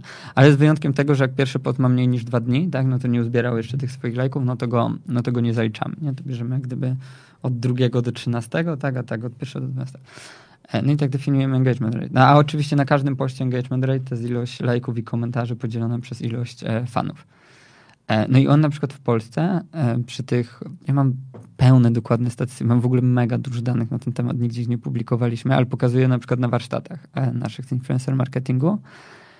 E, nie, w ogóle nie tylko z influencer marketingu. E, No i to jest 5-6%, nie? gdzie w Stanach to jest 2%. No, to jest różnica, tak? I żaden specjalista od influencer marketingu tego na przykład nie wie. Nawet nie próbował się dowiedzieć. W ogóle co więcej, wypuściliśmy jakiś film, ktoś tam, dużo osób go skrytykowało, ja dokładnie wiem dla, dlaczego, e, z wieloma się zgadzam, ale co jest niesamowite, że parę osób skrytykowało narzędzie, formę narzędzia, a jak potem w kolejnym filmie pokazaliśmy pełne dane, niepodważalne, nikogo to już nie interesowało. Nikt nie chciał przyjść i zobaczyć ej, bo chłopaki w sumie tak napisałem, że, że tak, że, że to narzędzie jest niewiarygodne, może wpadnę, zobaczę, pokażecie mi. Nie, w ogóle to nikogo nie obchodziło. Jak gdyby ludzie, to, to jest to, co powiedziałeś, ludzie żyli tą chwilą, zrobili boom, e, chcieli się na tym, nie wiem, czy wybić, czy nie, bo na tym się nikt nie wybił, ale chcieli się tam pokazać, że, że, że o, mamy, mam swoje zdanie, czym nikt nie chciał w ogóle tych danych zweryfikować. Nikt, ani jedna osoba. Ja w ogóle zapraszałem parę osób, że przyszły, sprawy, może chcesz, może chcesz zobaczyć, jak już się o tym wypowiedziałeś. Nikogo to nie obchodzi. Nikogo. To, to, to jest e, przerażająco e, smutne, dlatego że to naprawdę nikogo nie obchodzą faktyczne dane. W sensie nikogo nie obchodzi, jaka jest prawda. Po prostu ludzie, każdy napisał to, co myśli i, i koniec tematu. Okej. Okay. Znaczy ja rozumiem, że filmik, e, już nie będziemy, możemy mówić jakby czego dotyczył? Tak, oczywiście. My, my dwa filmy wypuściliśmy. W, Dawaj. drugim, w drugim już e, filmik dotyczył Macadamian Girl i jej mass followersów. E, też trochę się dziwię, jak gdyby postawy samej, e, samej Tamary. E, no i co? No i filmik po prostu dotyczył do, e, tego. Nie wiem, czy widziałeś drugi film. Nie, widziałem pierwszy. No właśnie. Pierwszy był taki nagrany na szybko. Prawda, zgadzam się ze wszystkimi, którzy powiedzieli, że forma była nieodpowiednia. Brakowało tam bardzo dużo analiz danych, które pokazujemy. W drugim wytłumaczyliśmy wszystko dokładnie, czyli mamy całą listę. 300, wtedy było 660 y, tam tysięcy fanów, całą mhm. w Excelu. Jestem ci w stanie ją pokazać. Jesteś w stanie sobie zweryfikować każdą poszczególną osobę, że rzeczywiście ją obserwuje. No i z tej listy jesteśmy w stanie wyciągnąć dane. No i tam też mówiłem bardzo dużo o tym, musisz sobie to zobaczyć, tam też mówiłem bardzo dużo o tym, dlaczego, dlaczego po prostu na nią padło. Nie? No i pokazuję, jak wyglądają wyniki u innych twórców. Tak? E, że tam średnia tych jakościowych followers to jest 90%, u niej 42 chyba, 42, 43. Potem pokazuje dane, bo ktoś może powiedzieć mass followers, to 1500 to jest, to są ludzie, którzy obserwują 1500. No tak, ale jak już sprawdzasz na danych, którzy obserwują ponad 3000 i zrobiłem taki test na Influencer Live, zapytałem się ludzi w sali, kto obserwuje ponad 3000 innych profili, zgłosiła się jedna osoba na 200 osób, nie? czyli jedna osoba na 200 osób, pół procenta a u niej, jest, u niej to jest 48%. Nie? 48% jej obserwujących osób to są Obser mass followers? nie, czy... więcej. Jest 57, tych mhm. powyżej 1500. I tak się przyjęło, nie wiem czemu, na, w branży, że to jest powyżej 1500, natomiast powyżej 3000, mhm. czyli już powiedzmy tam próg wyższy, który jak gdyby mniej powiedzmy zagubionych osób, które dużo lubią klikać e, obserwuj, tam, tam się znajduje, no to jest aż 47%. A, a, ile można, bo ja właśnie patrzę u siebie, ile, ile to jest ok, jak się, ile, ile, ile jak się nie, obserwuje, to jest ok? Nie, nie, ja nie oceniam. Nie, ale powiedz okay. mi, tak według twoich nie, nie ma czegoś tak, Nie, w ogóle nie bo ma ja mam na przykład takiego. 837 obserwowanych osób, z czego jak pewnie na, mogę spokojnie powiedzieć, że jakieś 200 to będzie snowboard, kolejne nie, 300 to będzie deskorolka, a pozostali to jest, to jest wszystkie sporty ekstremalne. Chodzi o to, że przerównujemy te dane do jakichś statystyk, tak? No. no i tam jeszcze o tym mamy statystyki. Z jakich krajów pochodzą ci ludzie, tak? Okazuje się, że że nie są z Polski. E, ci, ci mass followersi. Mam jeszcze parę takich innych danych. E, teraz w ogóle, teraz robimy parę ciekawych narzędzi. Nie wiem, kiedy one wyjdą. Też chcemy e, przemielić e, parę, parę rzeczy. Tam często się foty w ogóle powtarzają na tych profilach, dlatego że te boty są tak, e, tak jak gdyby generowane, że często mają te same zdjęcia. No, wiesz, jest to jak, ktoś wejdzie w te dane, tego się nie da opowiedzieć w filmie, nie? W sensie ten drugi film miał 10 minut, staraliśmy się jak najjaśniej powiedzieć, w ogóle też cały background tego czemu, po co to robimy, dlaczego to jest wbrew pozorom takie ważne, tak? Dlaczego to e, tak mocno skutkuje na młodzież e, i, i, i dlaczego, jak to mówię zawsze, być, warto być przyzwoitym. E, no i, i rzeczywiście ten drugi film dużo wyjaśnia, ale tak naprawdę chcesz, chcesz to poczuć, tak, no to musisz sam sobie te dane, te dane przejrzeć i zrozumieć, ale to już nikogo nie interesuje. Okej, okay, dobra, mamy jedno stwierdzenie, jedno pytanie. E, pierwsze stwierdzenie, Aleksandra e, mówi takie zdanie. Dla mnie influencer, który nie stworzył własnego produktu, nie jest influencerem, tylko słupem ogłoszeniowym. To jest stwierdzenie, nie będziemy ci zadawać pytania, czy tak sądzisz? Ja, ja, ja, jestem ciekawy, jak definiujemy influencera, bo od tego by trzeba było zacząć, bo każdy ma inną definicję influencera. Teraz, czy ty, Wojtku, jesteś słupem ogłoszeniowym? Mm. Bo ja, ja ciebie traktuję jako influencera. No, to bardzo mi miło. A ty, jesteś słupem ogłoszeniowym? To nie jestem słupem ogłoszeniowym. No to nie każdy. Ale... No, I odpowiedzieliśmy na stwierdzenie, że się z nim nie zgadzamy, bo nie każdy. Mam przykład influencera Wojtka Hery, który nie jest słupem ogłoszeniowym. Ale też e, to jest napisane influencer, który nie stworzył własnego produktu. A, a ty stworzyłeś własny produkt. Ale ja, usługę. Ja mam własną usługę. Kilka własnych usług. A, więc mam, rob, znaczy, triki, triki. Triki. Znaczy ja, ja jednakże faktycznie robię coś więcej niż tylko Hera On Air. więc to jest takie, takie ten. Ale nie, jest ważniejsze pytanie. Szymon zadaje bardzo fajne pytanie. Jakie masz pomysły na poprawę produktywności teamów organizacji? To takie pewnie nawiązujące do Stanów. To jest bardzo skomplikowany e, proces. Ja mogę tylko powiedzieć, że zacznę ten proces e, od siebie i pierwsze, co uważam, że jest bardzo ważne, to żeby zespół miał do nas e, zaufanie. To jest coś, co gdzieś w polskim biznesie, znaczy nie, nie źle może się wyraziłem, w polskim biznesie. W twoim, w twoim Nie, nie, nie w moim biznesie, ale generalnie jest tak, że, że często właśnie spotykamy się z tym takim mitem sukcesu, nie? Że, mhm. że, że musimy pokazywać sukces na generalnie E, najważniejsze jest to, żeby po prostu mówić jak jest, tak? Żeby mówić e, rzeczywiście, żeby pracownicy mieli świadomość tego, jak naprawdę wygląda cała sytuacja, ale po co? Po to, żeby przede wszystkim pomagali nam rozwiązywać e, problemy. No i to jest coś, co na co na pewno chcę postawić. Bo u nas trochę było tak, że unikaliśmy takich tematów porażek, tak? Znaczy, że, że braliście je na klatę? Znaczy, że generalnie w zarządzie sobie siedzieliście i mówiliście, kurczę, jesteśmy w głębokiej dupie, tak. po czym i po tym, jak siedzieliście 3, 3, 3, godziny, super. to się uśmiechaliście, mówicie, jest dobrze, jest spoko. Tak. No, Co prawda nie będzie pensji w tym miesiącu, ale, ale luz. Oczywiście trochę to przerysowałeś, ale troszkę tak, nawet często sami w stosunku do siebie nie byliśmy w stanie e, teraz nie jesteśmy w stanie e, pewnie wielu rzeczy, e, wielu rzeczy przyznać. E, no i też generalnie w ogóle mówi się tak, że większość firm, które upada, to ludzie o tych problemach, z powodu których one upadły, wiedzieli znacznie wcześniej, ale po mhm. prostu nigdy nie powiedzieli. Bo kultura pracy nie stwarza im możliwości powiedzenia, tak? Bo nie, jak gdyby ludzie nie są za, na to, boją się, tak? Nie są, nie są za to nagradzani, a to uważam, że jest coś bardzo ważnego. I to jest może zacząłem tak od tyłu, od e, takiej może niepozornej rzeczy, ale uważam, że ona jest bardzo ważna.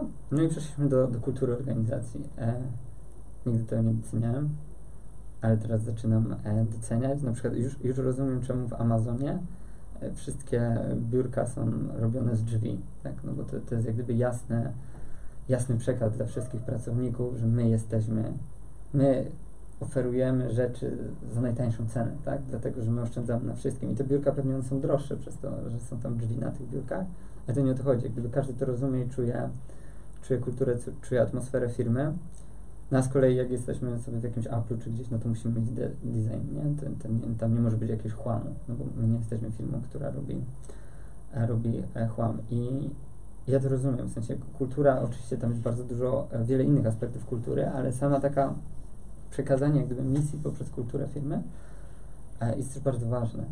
Ludzie wiedzą, jakim, wiedzą jak jesteśmy zdefiniowani, tak?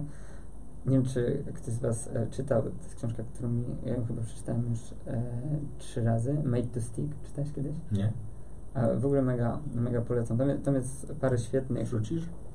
E, parę świetnych przykładów na ten temat, jak tworzyć komunikaty do, do zespołu I, i jest na przykład taki świetny przykład Southwest Airlines, którzy, oni byli zawsze najtańszą linią lotniczą.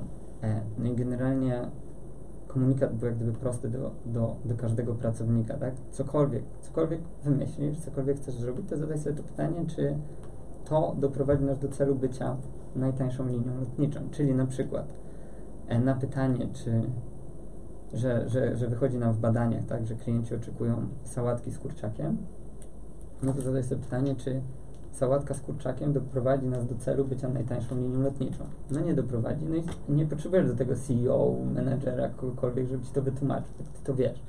A na przykład na pytanie, czy możemy, jak pasażer ma urodziny, tak, czy możemy rozrzucić e, konfetti, no to odpowiedź też jest nie. Dlaczego? No bo musi być ekipa sprzątająca, która musi to posprzątać. Ale czy możemy zaśpiewać 100 lat? Tak. Możecie robić co chcecie. To jak gdyby nie przeszkadza w osiągnięciu w osiągnięciu celu, a najlepiej róbcie to, co do tego celu e, przybliża. E, I to jest bardzo ważne, tak? Bo ludzie oszczędzasz czasu, tak? Nie musisz wszystkim tłumaczyć, po prostu oni wiedzą. Oni zadają sobie jedno pytanie i wiedzą, jak postąpić. E, I, I, przez to też trochę rozumiem kulturę, przez to rozumiem dobrze zdefiniowaną e, ideę firmy, która powoduje, że po prostu firma funkcjonuje znacznie, znacznie, znacznie lepiej i każdy umie się w niej odnaleźć. Więc kultura jest bardzo ważna. Oczywiście też e, to, to, to nie jest wszystko, tak, co jest związane z kulturą, to jest dużo szersze pojęcie, ale myślę, że to nie jest na teraz. Kolejna rzecz, która jest niezwykle ważna, coś co szef Intela nazwał OKRs, tak, czyli e, Objective e, OKR, czyli Objective e, Key Results, e, czy takie KPI po prostu, tak, że rzeczywiście, rzeczywiście wszystko, co robimy, żeby było przede wszystkim mierzalne i żebyśmy byli w stanie zero-jedynkowo powiedzieć, czy osiągnęliśmy ten cel, e, czy tego celu nie osiągnęliśmy. No i to, co przy tym jest też bardzo ważne, to my szczególnie jako startup tak, testujemy bardzo dużo różnych rzeczy, to nie chodzi o to, że jak komuś się coś nie udało, to musimy od razu powiedzieć, że o, nie udało ci się. Tylko najważniejsze jest to, żeby każda rzecz, którą testujemy, przynosiła jakąś naukę, tak, na przyszłość, żebyśmy mogli wyciągnąć z tego wnioski, no i coś, coś poprawić, tak, a przede wszystkim nie popełniać e, tych samych, e, tych samych e, błędów. Komunikacja. E, u nas na przykład komunikacja bardzo mocno kuleje e, między działami i to jest w ogóle bardzo złożony temat, e, jak tą komunikację, e, jak tą komunikację dobrze e, przeprowadzić. No ale rzeczywiście jest to coś niezbędnego i chociażby takie one-to-one, z których niedawno jeszcze miałem totalną bekę, tak? gdzie to jest rzeczywiście czas dla pracownika. Chociażby tworzenie w ogóle takiej atmosfery, w której ludzie chcą się dzielić pomysłami. Bo jeżeli, wiecie, jeżeli my mówimy, to oni nic nie powiedzą, tak? Musimy gdzieś tam dać im po prostu szansę coś powiedzieć, stworzyć atmosferę, żeby oni chcieli się dzielić e, swoją wiedzą, żeby się chcieli dzielić swoimi pomysłami, to wbrew pozorom jest bardzo trudne. Mhm. E, a nawet powiedziałbym cholernie, cholernie trudne, tak? E, dzisiaj ktoś mi zwrócił uwagę, że za często mówię nie, tak? No, no, nie, no, nie, no rzeczywiście nie powinno się oceniać e, pomysłów podczas brainstormingu, czy takie już e, banalne, banalne rzeczy, ale to wbrew pozorom jest nies niesamowicie ważne, tak? Bo to powoduje, że potem ludzie trzymają to w sobie, jeszcze się frustrują, i do niczego dobrego to nie doprowadza. No więc stworzyć po prostu taką atmosferę, gdzie, gdzie nagradza się za zgłaszanie błędów, e, nagradza się za każdy pomysł, tak? za jakieś tam niestandardowe myślenie. Jeżeli my szukamy rozwiązań, których nikt nie zrobił, to te rozwiązania na pierwszy rzut oka będą się wydawały zazwyczaj idiotyczne. No mhm. przecież tego nikt nie zrobił. No mhm. to, no to, ale to, to musi być idiotyczne. Właśnie to o to, e, to o to w tym chodzi. Pewnie pominąłem wiele rzeczy, e, które chcę, chcę wprowadzić, ale no jest tego naprawdę sporo. W sensie mm, ja, ja planuję planuję powoli, krok po kroku coś próbować zrobić. Oczywiście ja też zdaję sobie e, sprawę z tego, że no, a, w żadnym stopniu nie jestem tak doświadczony jak e, już wspomniani koledzy ze Stanów, którzy mają za sobą pracę w największych startupach na świecie, jako top menadżerowie, którzy mają za sobą parę firm. No ale e, myślę, że na praktyce też się, też się najlepiej, najlepiej uczę na takim żywym organizmie. Widziałem już, jak to może funkcjonować w takim idealnym, utopijnej wizji, która istnieje. To jest utopijna wizja, która istnieje i to jest w ogóle niesamowite. No i co, no i powoli będę coś e, próbował, e, coś próbował wdrażać, no, żeby po prostu było lepiej, bardziej produktywnie, żebyśmy mogli robić lepsze rzeczy, fajniejsze, ciekawsze. To jest niesamowite. Ty właśnie moim zdaniem wrzuciłeś tutaj bardzo prosty sposób oceny e, kreatywnego pomysłu zadaj sobie pytanie, czy to na pierwszy rzut oka wydaje się kompletnie głupie. Tak, okej, okay, dobra, to, zacznij rozwijać go dalej. Znaczy, nie, nie kiluj tego pomysłu, tylko zacznij go rozwijać. Tak. Znaczy, jeżeli, jeżeli chcesz robić coś, co jest niestandardowego, to szukaj tych pomysłów, które faktycznie wydają się idiotyczne. Dokładnie, powiem wam, że e, ja widziałem, jak my tam z nimi siedzieliśmy, oni bardzo dużo wprowadzają nowych funkcji dotyczących wideo, ale odtwarzania w ogóle wideo na telefonie. I wiele funkcji jest niesamowitych, nie? że oglądacie i w ogóle wow, wow są kompletnie niepraktyczne na dzień dzisiejszy. W sensie nie wiadomo, nikt tego nie jest w stanie stworzyć. E, I, i tak nie wiadomo, co z tym zrobić. Nie? I, I, takich funkcji tam wisi sobie bardzo dużo, ale one cały czas są, tak? Bo może pewnego dnia ktoś skojarzy tą funkcję z czymś innym, i nagle coś się połączy i nagle stworzy się coś, coś, coś co, co będzie rewolucyjne. E, więc tak, więc zdecydowanie tak, tylko że tego się nie da zrobić samemu. To, to wiecie, teraz się tak mówi, że, że rzeczywiście no, Steve Jobs był trochę takim wizjonerem, że wiele, pomysłów wychodziło od niego, chociaż też nie do końca, no bo przecież e, ten e, bitmapy wyszły z Zero Parku, tak, e, gdyby nie ten team, to, to tam też wiele rzeczy by się nie pojawiło. Więc to nie jest tak, jest, ta, jest taka wizja. On akurat i tak był wyjątkowy, nie? No ale generalnie myślę, że zadaniem kogoś, kto chce budować firmę, jest zupełnie inny. Tak? Jest, jest, jest po prostu zbudowanie organizmu, który działa, który jest w stanie właśnie te, te wszystkie rzeczy sprawdzać, testować, robić i no i chciałbym się tego nauczyć. Chciałbym się nauczyć stwarzać taką atmosferę pracy, ale no, nie wiem, czy mi się uda. Ja chciałem tylko powiedzieć, że są pierwsze takie dowody, można je nazwać takimi pierwszymi jaskółkami tego, że idziesz w kierunku akceptowania głupich pomysłów i nie mówisz im nie, tylko mówisz im tak. Chciałem przypomnieć, że jak zaczęliśmy tworzyć e, koncept pokazywania ciebie w reklamie Lenora, gdzie miał, ja miałem prać e, czy też na, na, zmiękczać, zmiękczać puszek, żeby był bardziej puszysty. Ty nie mówiłeś hera walnij się w głowę, tylko mówisz, że to jest świetny pomysł i że właściwie wchodzisz w to i że jesteś gotowy lądować w tym Lenorze. Więc moim zdaniem to, tak. jest, to jest taki klasyczny przykład tego, że ty, że ty, już naprawdę zacząłeś pracować nad sobą. Nie, no, znaczy, nie, nie wiem, czy to jest, no tak, tak, tak. Pracuję. Powiedzmy, że pracuję. To nie był, normalnie powinieneś powiedzieć, weź, to jest niemożliwe. Przecież, przecież nie da się wylądować w śniegu, który jest namoczony w, w, o, w, w płynie do płukania. O, w płynie do płukania. Ja, ja zawsze miałem e, bujną wyobraźnię. Myślałem, że, że, zawsze lubiłem lądować w śniegu, który jest w płynie do płukania. Nie, zawsze miałem bujną wyobraźnię, więc to akurat nie jest może jakaś, jakaś, jakaś zmiana. Mm, ale, ale no rzeczywiście, rzeczywiście staram się, staram się teraz pracować nad tym. E, przede wszystkim nad tym, że, żeby też, też powiedzieć sobie szczerze, że no, na czymś tam się znam, tak? No, bo chociaż a na czym się znasz? Właśnie to jest dobre pytanie. Chciałem powiedzieć, że na informatyce, już mnie ty dzisiaj tak wyśmiałeś, że nie, psuje nie, nie. wszystko. Nie, że... wyśmiałem cię bardziej z jazdy na nartach, ale z, z informatyki też nie wyśmiałem. Nie, no jak? Wyśmiałeś mnie, ty, a nie, dobra, nie w tym live, tylko w tym trzy live temu. Trzy live temu. Liczy. Trzy, live, temu zostałem dośmiany, więc no. na czym ja się znam? Bardzo dobre pytanie. Nie, ale tak zupełnie, nie, zupełnie szczerze. zastanawiam, wiesz co? To nie jest proste pytanie. No dobra. Dobra, no załóżmy, że no znam się trochę na, na influencer marketingu. Z uwagi na to, że poświęciłem temu ostatnie 3 lata życia i trochę się znam, tak? Ale ten świat się zmienia tak szybko, że choćbym nie wiem, kim był, nie jestem w stanie nad wszystkim nadążyć, tak? Jeżeli ludzie by mi nie podsyłali, jeżeli influencerzy, w ogóle my działamy tak, że mając, wiesz, tyle setek influencerów, ja potrafię dostać o drugiej w nocy jakiś telefon, są statystyki na TikToku. Bo widziałeś, widziałeś, nie? Gdyby, gdyby nie to, co ludzie nam pokazują, tak? Trend, tych trendów jest tak dużo, to się wszystko tak zmienia. Ja nie jestem w stanie wszystkiego ogarnąć, nie? Nie, nie da się, po prostu jedna osoba nie może się na tym wszystkim znać, tak? Gdyby nie zespół, gdyby nie to, że każdy gdzieś tam się w czymś specjalizuje, każdy coś może zauważyć, jakiś trend, każdy coś tam testuje, no to właśnie jako zespół mamy tą wartość, nie, nie, nie ja jako ja. Ja potem to jest tak, że oni e, często podsyłają mi, a ja sobie te najciekawsze rzeczy wrzucę do prezentacji i, i udaję, że, że ja to odkryłem, nie? Tak, tak trochę jest. Więc e, no dobra, no ale załóżmy, że się znam lepiej niż przeciętny Kowalski. Bo przeciętny Kowalski może... Nie no, wie, teraz chyba każdy wie, co to jest influencer marketing. Nie, nie wie. Znaczy, myślę sobie, że naprawdę e, by się wydaje, co przeciętny Kowalski wie, bo siedzisz i patrzysz na to z poziomu e, Warszawy.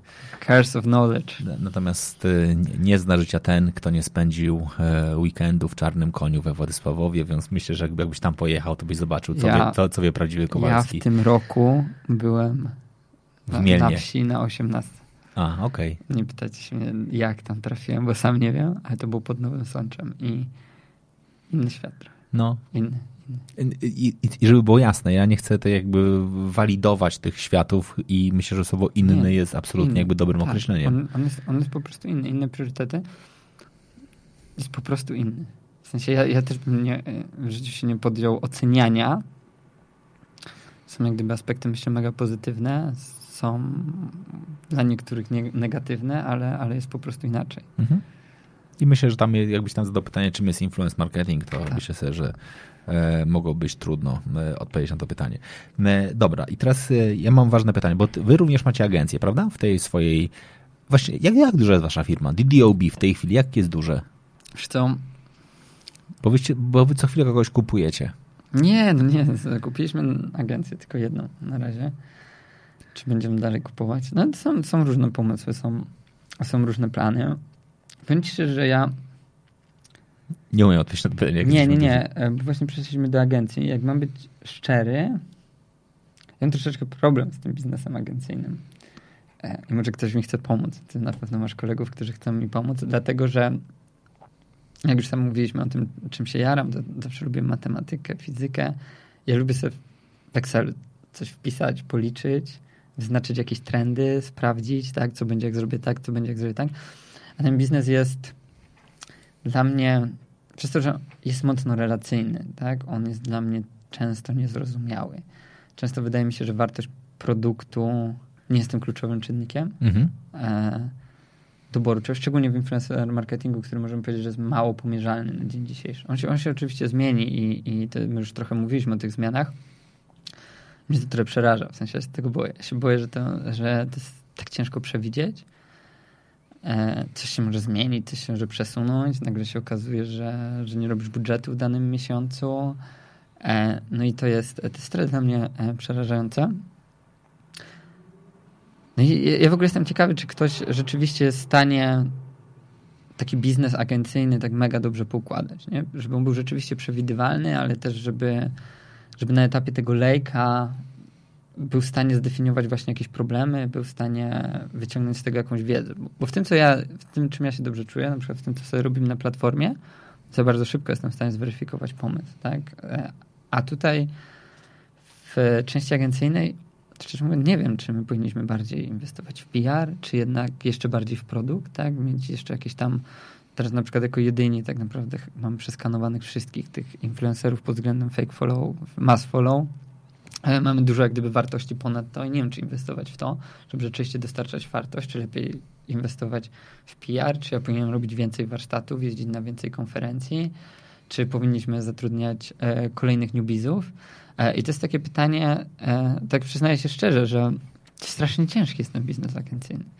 Po prostu. Dlatego my szukamy bardziej skalowalnych rozwiązań, ale może ten biznes agencyjny się da, da jakoś fajniej ułożyć, tylko po prostu jeszcze nie wiemy jak. Okej, okay, ale ja mam jednakże pytanie o ten biznes agencyjny. Dzisiaj jak przychodzą do was klienci, w sensie marki, to jakie oni dzisiaj mają oczekiwania od, od was? Znaczy, czego dzisiaj marki poszukują w influence marketingu? Wiesz co, właśnie to jest trudne pytanie, bo każdy oczekuje czegoś innego. Niektóre marki strasznie się boją robić czegoś niestandardowego. Właśnie chciałem powiedzieć, to, to miało być trochę moje pytanie. Czy, czy marki są gotowe na niestandardy? Zależy od marki. Czyli, czyli, le, czyli, czyli Lenor na przykład nasz skok w puszysty śnieg zrobi? Wiesz co, no nie, właśnie nie mam kontaktu do tego Lenora. Ale nie, to już kontakt. Ktoś, znaczy, ja, ja, ktoś ja ogląda, mogę... oglądających nas osób na pewno ma kontakt do Lenora i to zaraz załatwimy. Patrząc po tym, co robił dotychczas, Weźmiemy Janinę, która im, która im przeczyta najpierw Lenorowi książkę, żeby on był jakby okej, okay, przygotowany na to i, i później, no to później będzie okej. Okay, no. patrząc no. po ostatnim kampanii, myślę, że nie są na to gotowi, ale to jest totalnie subiektywne zdanie moje. E, mamy czasem coś takiego, że klienci się boją, że klienci nie rozumieją, to jest dla nich ryzyko kompletnie im niepotrzebne i wolą zrobić coś totalnie prostego, coś bardzo szablonowego, bardziej potraktować ten influencer marketing właśnie jako tak jak banner, no jakbyś kupował po prostu banner tylko mhm. influencera. No i e, w ogóle a propos tego Lenora też e, nie, nie przeczytałem całego artykułu, ale widziałem, no to jest blog, strona Why So Social. Mhm. Widziałem dość fajną taką dywagację, czy że, że jak gdyby nikt z nas nie zna briefu, nie? Nikt nie wie, jaki był cel tej kampanii ja mniej więcej wiem, w czym influencerzy są najlepsi, tak? No to oni nawet nie w budowaniu tego awareness, bo, bo, bo tam celebryci też są dobrzy, nie? Postawisz mhm. celebrytę z twoją marką, e, no i faktycznie jest tak, że mamy, nie wiem, tam ty się znasz na psychologii, ale jakiś efekt halo, tak? Mhm. Że, że kogoś darzymy sympatią, no to przekładamy te cechy, transferujemy na markę, no milion rzeczy. I to jest świetne do budowania takiej świadomości produktu, dlatego e, ci celebryci są w telewizji. Influencerzy dzisiaj też i do tego się oczywiście nadają, plus influencerzy mają zasięgi, więc możesz kupić od razu twarz plus zasięg, ale to, w czym oni są naprawdę najlepsi, to w tym, że mogą powiedzieć coś więcej o produkcie, czy na przykład nie zrobisz 30-sekundowej e, reklamy, tak? Czyli mogą ten produkt autentycznie przetestować, tak? Mogą, ja mogę wziąć te narty i skoczyć na nich 10 razy i powiedzieć są miękkie, twarde, jakieś tam. Ja akurat się, szczerze mówiąc, nigdy się na tym nie znałem na nartach. Po prostu Mówię, na większości mi się dobrze skakało. Jak mi się dobrze skakało, to mówiłem, że mi się dobrze skacze. Jakoś nie rozróżniałem tego, czy są twarde, czy miękkie. Nie, nie ma znaczenia. Ale chodzi o to, że rzeczywiście to jest, to jest ta największa wartość. I tak jak e, w badaniach sobie porównujemy celebrytów do influencerów, to właśnie to familiarity z produktem u influencerów e, wychodzi cztery razy lepiej. Tak? No, są bardziej autentyczni. W jakichś tam badaniach wyszło, że wśród młodzieży są 17 razy bardziej autentyczni, cokolwiek by to nie znaczyło. E, ale no ja się z tym zgadzam, tak, że oni są w stanie przetestować produkt, faktycznie coś zrobić, powiedzieć. No i to, co jest bardzo ważnego, co ja zawsze powtarzam w marketingu, nawet pokłóciłem się na tym na jednym z paneli dyskusyjnych podczas EKG, to jest Ekonomiczny Kongres Gospodarczy w Spodku. Mm -hmm. Nie, nie, tam jest chyba. E, dobra, no nieważne, na Spodku taki duży event, jest dużo polityków i w ogóle. E, z szefem. E, chyba niedawno prezesem, z Tomaszem Machą, nie wiem, okay. teraz jest chyba szefem wydawców. No bo im wychodzi w badaniach, że nikt nie lubi tych takich reklam banerowych. No i ja, ja się nie dziwię, nie? No bo chcesz, wchodzisz na WP po to, żeby zapoznać się z jakimiś treściami, to cię wszędzie atakują te banery. Nie? Dzieciaki to w ogóle tego nie widzą już kompletnie. Mhm. Oni się nauczyły po prostu patrzeć. No i mnie to na przykład denerwuje. Dużo osób ma adblocka, więc e, też tego nie widzą. I to wychodzi w, ba w badania. I teraz jakbyśmy mieli porównać do branded contentu, nie tylko do influencerów, to generalnie, nie mówię też, że każdy branded content, ale z idei, jak wejdę sobie na YouTubie na porównanie nie wiem, Samsunga S9 do Samsunga S10, akurat ja mam S9, ale chciałbym mieć S10, okay. to no to wchodzę z własnej nieprzymuszonej woli, nie? Nikt mi mhm. tego nie wciska i muszę to odebrać pozytywnie, bo, bo to nie jest jakaś tam reklama, której chcę się pozbyć, tylko to jest reklama, którą ja chcę zobaczyć, tak? I rzeczywiście takie testy, czy porównanie jakichś tam szminek, czy coś tam, to, to, to są bardzo fajne sposoby branded contentu, bo my często sami wybieramy, że, że chcemy to oglądać. A skoro sami chcemy to oglądać, no to raczej nie robimy tego, żeby, wiesz, żeby się tam po prostu denerwować. No dobra, ale moim zdaniem o to, o czym ty mówisz, to jest dalej bardzo tradycyjna forma wykorzystywania influencerów. Znaczy jakby danie, no, danie, danie im produktu takie, do, do, tego, żeby Ja to mówię w taki sposób zrozumiały, żeby jak gdyby podkreślić trochę tę różnicę i te nowe możliwości. Nie? No dobra, ale ty, ty mówisz, że ty masz jedną rzecz. Ja, ja, ja się szczerze mówiąc trochę tym jaram, bo faktycznie waszym elementem jest zaangażowana społeczność. Mhm. Zaangażowana społeczność twórców. Tak to z definicji oznacza, ja trochę naprawdę nie rozumiem, dlaczego dzisiaj na przykład marki nie wpadają na to, żeby przyjść powiedzieć, ty, mamy wakacje, idąc do takiego DDOB, jesteśmy w stanie zrobić w pewnym sensie sekwencyjny materiał promocyjny z wykorzystywaniem różnych twórców i różnych lokalizacji w Polsce. Czyli możemy puścić dokładnie, że e, już będę się trzymał tego płynu zmiękczającego, w poniedziałek Mazury, we wtorek e, góry, w środę Bieszczady, czyli trochę takie inne góry, później mamy ma ma Mazowsze, później mamy to i można to, wiesz, ładnie pokazywać sekwencyjnie, lokalizacyjnie, cały czas trzymając brief, bo masz tak. agencję, a jednakże robiąc fajne rzeczy, albo faktycznie pokazując, nie wiem, jestem w stanie sobie wyobrazić na przykład, nie wiem, e, zróbmy 160 zachodów słońca w Polsce i pokażmy jednego dnia nasz produkt na wszystkich zachody, przy zachodach słońca. No, tak. Przecież to, to jest łatwe do zrobienia z wami. Jest, jest łatwe, dlatego my bardzo mocno teraz szukamy rozwiązań crowdsourcingowych. Ja jestem w ogóle fanem crowdsourcingu. Uważam, że to jest jakaś przyszłość, jakiś tam kolejny etap, znalezienie nowych możliwości kreowania, tak, czyli możliwości kreowania właśnie tego, czego nie zrobimy sami. No influencer nie objedzie 160 miejsc, żeby, mhm. żeby zrobić 160 zdjęć zachodów e, słońca. No i rzeczywiście ja jestem tego fanem. W ogóle teraz, teraz przeprowadzaliśmy duże badania na ten temat. I szukamy ciekawych rozwiązań. Ale tak, ale to, co powiedziałeś, to już dzisiaj jesteśmy w stanie zrobić, tak? Ale bo, bo ja jestem w stanie. I to wiesz, i to nie musi tylko widzisz, to nawet nie musi być na influencerach, bo oni wcale nie muszą tego publikować. Jestem w stanie ci po prostu dostarczyć 160 zdjęć. My zrobiliśmy kiedyś e, taki, nie mieliśmy pomysłów tak naprawdę na film dla e, klienta. E, no i zwróciliśmy tak do społeczności. Ej, weźcie coś wymyślcie, podeślijcie jakieś tam scenariusze, zajawki pomysłów. E, no i deal był taki, że wybierzemy trzy i dostałem koszulkę. Koszulkę, która nas w produkcji kosztuje 30 zł i dostaliśmy 500 scenariusz. No niektóre to były takie bardzo krótkie, takie bardzo ogólne. że to były scenariusze dużo do wyrzucenia, ale dużo świetnych pomysłów, dlatego że jakiego byś nie miał teamu kreatywnego, to jednak 500 osób, no. które jeszcze siedzi w tych social mediach, zawsze wymyśli coś lepszego, albo chociaż cię zainspiruje do tego, żeby ten ich pomysł e, rozwinąć. I to jest niesamowite. I to jest coś, czym ja się jaram, coś, czego my kompletnie nie jesteśmy w stanie zmonetyzować na dzień dzisiejszy, ale coś, co jest przyszłościowe. No to, jest, e, to jest, znaczy ja naprawdę, jak zupełnie poważnie, może to, to jest taki tak genialny, znaczy, bo to jest na granicy dokładnie eventu, takiego naprawdę event marketingu, bo robisz wydarzenia jakby lokalne, społeczne. Naprawdę jestem w stanie sobie wyobrazić, że to nie jest tylko i wyłącznie, że ten, ta jedna osoba robi to zdjęcie, tylko że ta jedna osoba zbiera 100 osób, które robią to zdjęcie. Znaczy, do tego wszystkiego można do, dorobić bardzo, bardzo, bardzo ładne story. I kurczę, jest to za przeproszeniem miliard razy tańsze niż kiedyś. No, kiedyś naprawdę, żeby zrobić taką akcję, to trzeba było, wiesz... No, znaczy, na dużą skalę w ogóle się nie dało, nie? Znaczy dało się, tylko to już było tak nieopłacalne, no. że w ogóle nikt tego nie... Nikt tego w ogóle... My zrobiliśmy akcję, gdzie, gdzie zaangażowaliśmy 5 tysięcy influencerów. No. Tych zaangażowaliśmy jakimś tam konkursem. No co, co, jakbyśmy mieli, wiesz, wszystkich sprawdzać, czy coś opublikowali, czy, czy zrobili tak po prostu, że każdemu płacimy, to, to było niemożliwe. My po prostu daliśmy im odpowiednią marchewkę, że oni sami te posty publikowali. To nawet duzi influencerzy, nawet bardzo I, znani i szanowani. I teraz zobacz na przykład, co się nie udało. Nigdy w Polsce nie udało się wybudować nawyku tego, on nie jest batonikiem, on jest wafelkiem, Knoppers o wpół do dziesiątej rano w Polsce, tak?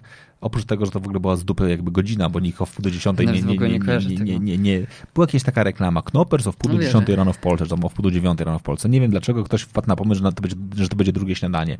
Zapomniał tylko zrobić badania, że w Polsce się nie je drugiego śniadania, ale później jakby już, i że nie ma przerwy na drugie śniadanie na budowach i w ogóle wszystkie inne rzeczy, ale chciał to zrobić. I oni faktycznie chcieli nawyk związany z produkt i godzina, godzina jego spożywania. I chcieli faktycznie taki, taki zrobić moment, że patrzysz na zegarek, o w pół do dziesiątej muszę zjeść knopersa, o w pół do dziesiątej muszę zjeść knopersa. I to się nie udało.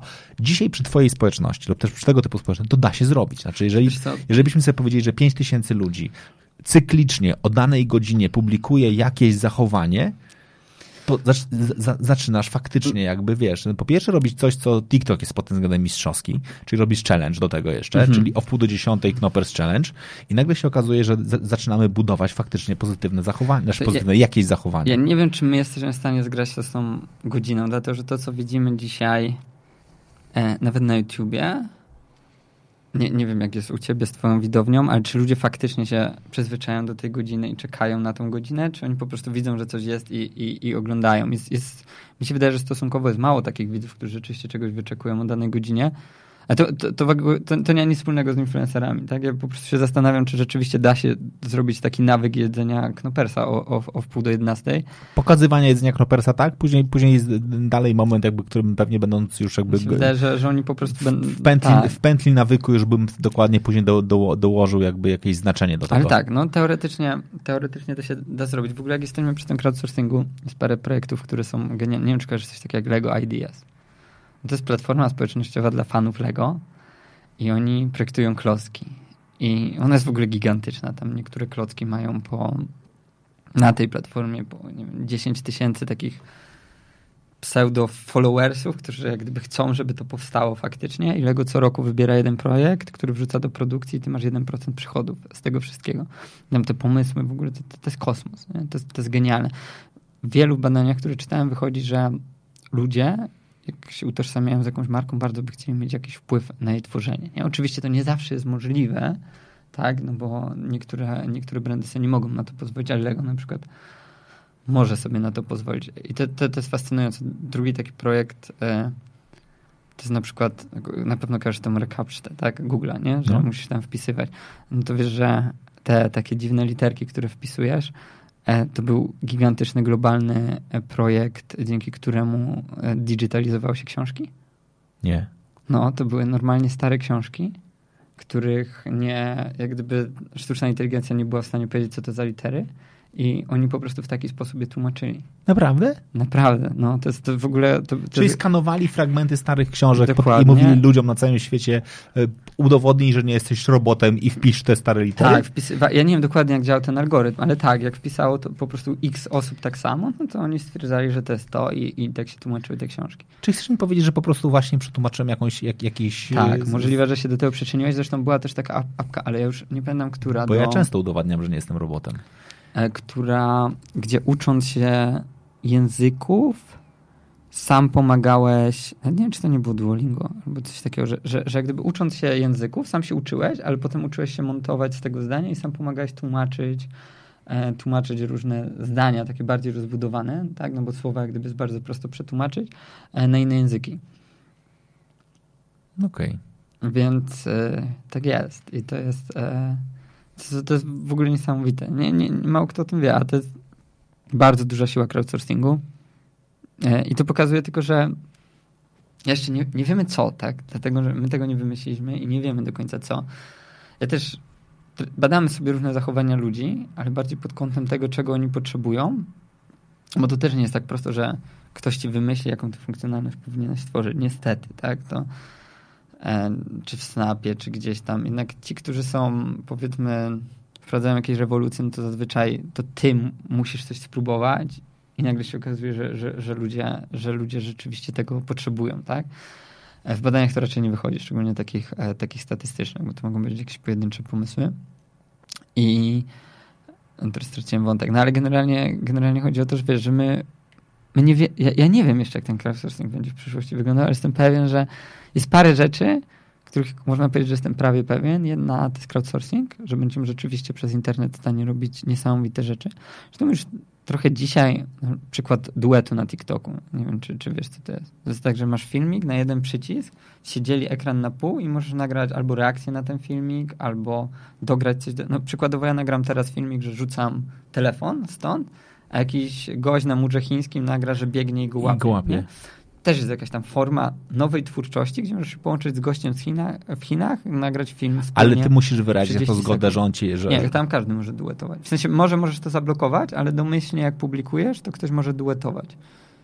Tak, to jest, to jest, to jest bardzo... To jest w ogóle ciekawa funkcja. A to jest czat.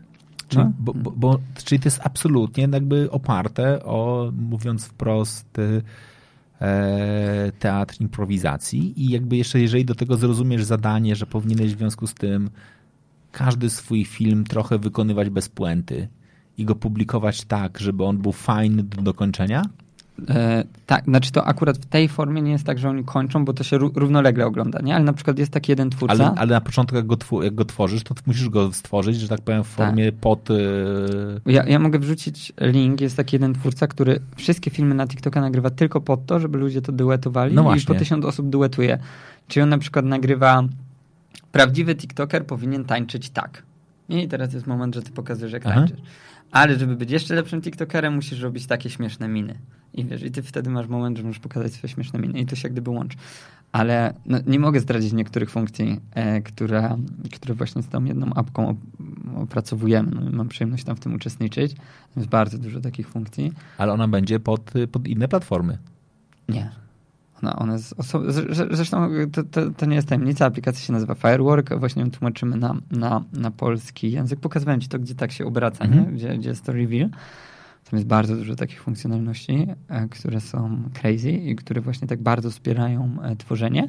Na TikToku jeszcze taka podstawowa, która jest, no to do każdego dźwięku możesz nagrać swoje wideo, nie? Mhm. E, więc tak, ale takich, takich do współkreacji jest dużo ciekawych pomysłów. Nie wiem, co w praktyce wyjdzie, bo to jeszcze musi być proste dla userów, ale jest tego naprawdę, naprawdę masa i to jest, to jest coś, czym się jaram i to jest pierwsza rzecz. A druga rzecz, już trochę bardziej odstrzelona, e, no to ja cały czas wierzę, że my się będziemy tokenizować i wtedy wartości społeczności to już, to już w ogóle osiągną no jakieś dużą wartość, o może tak.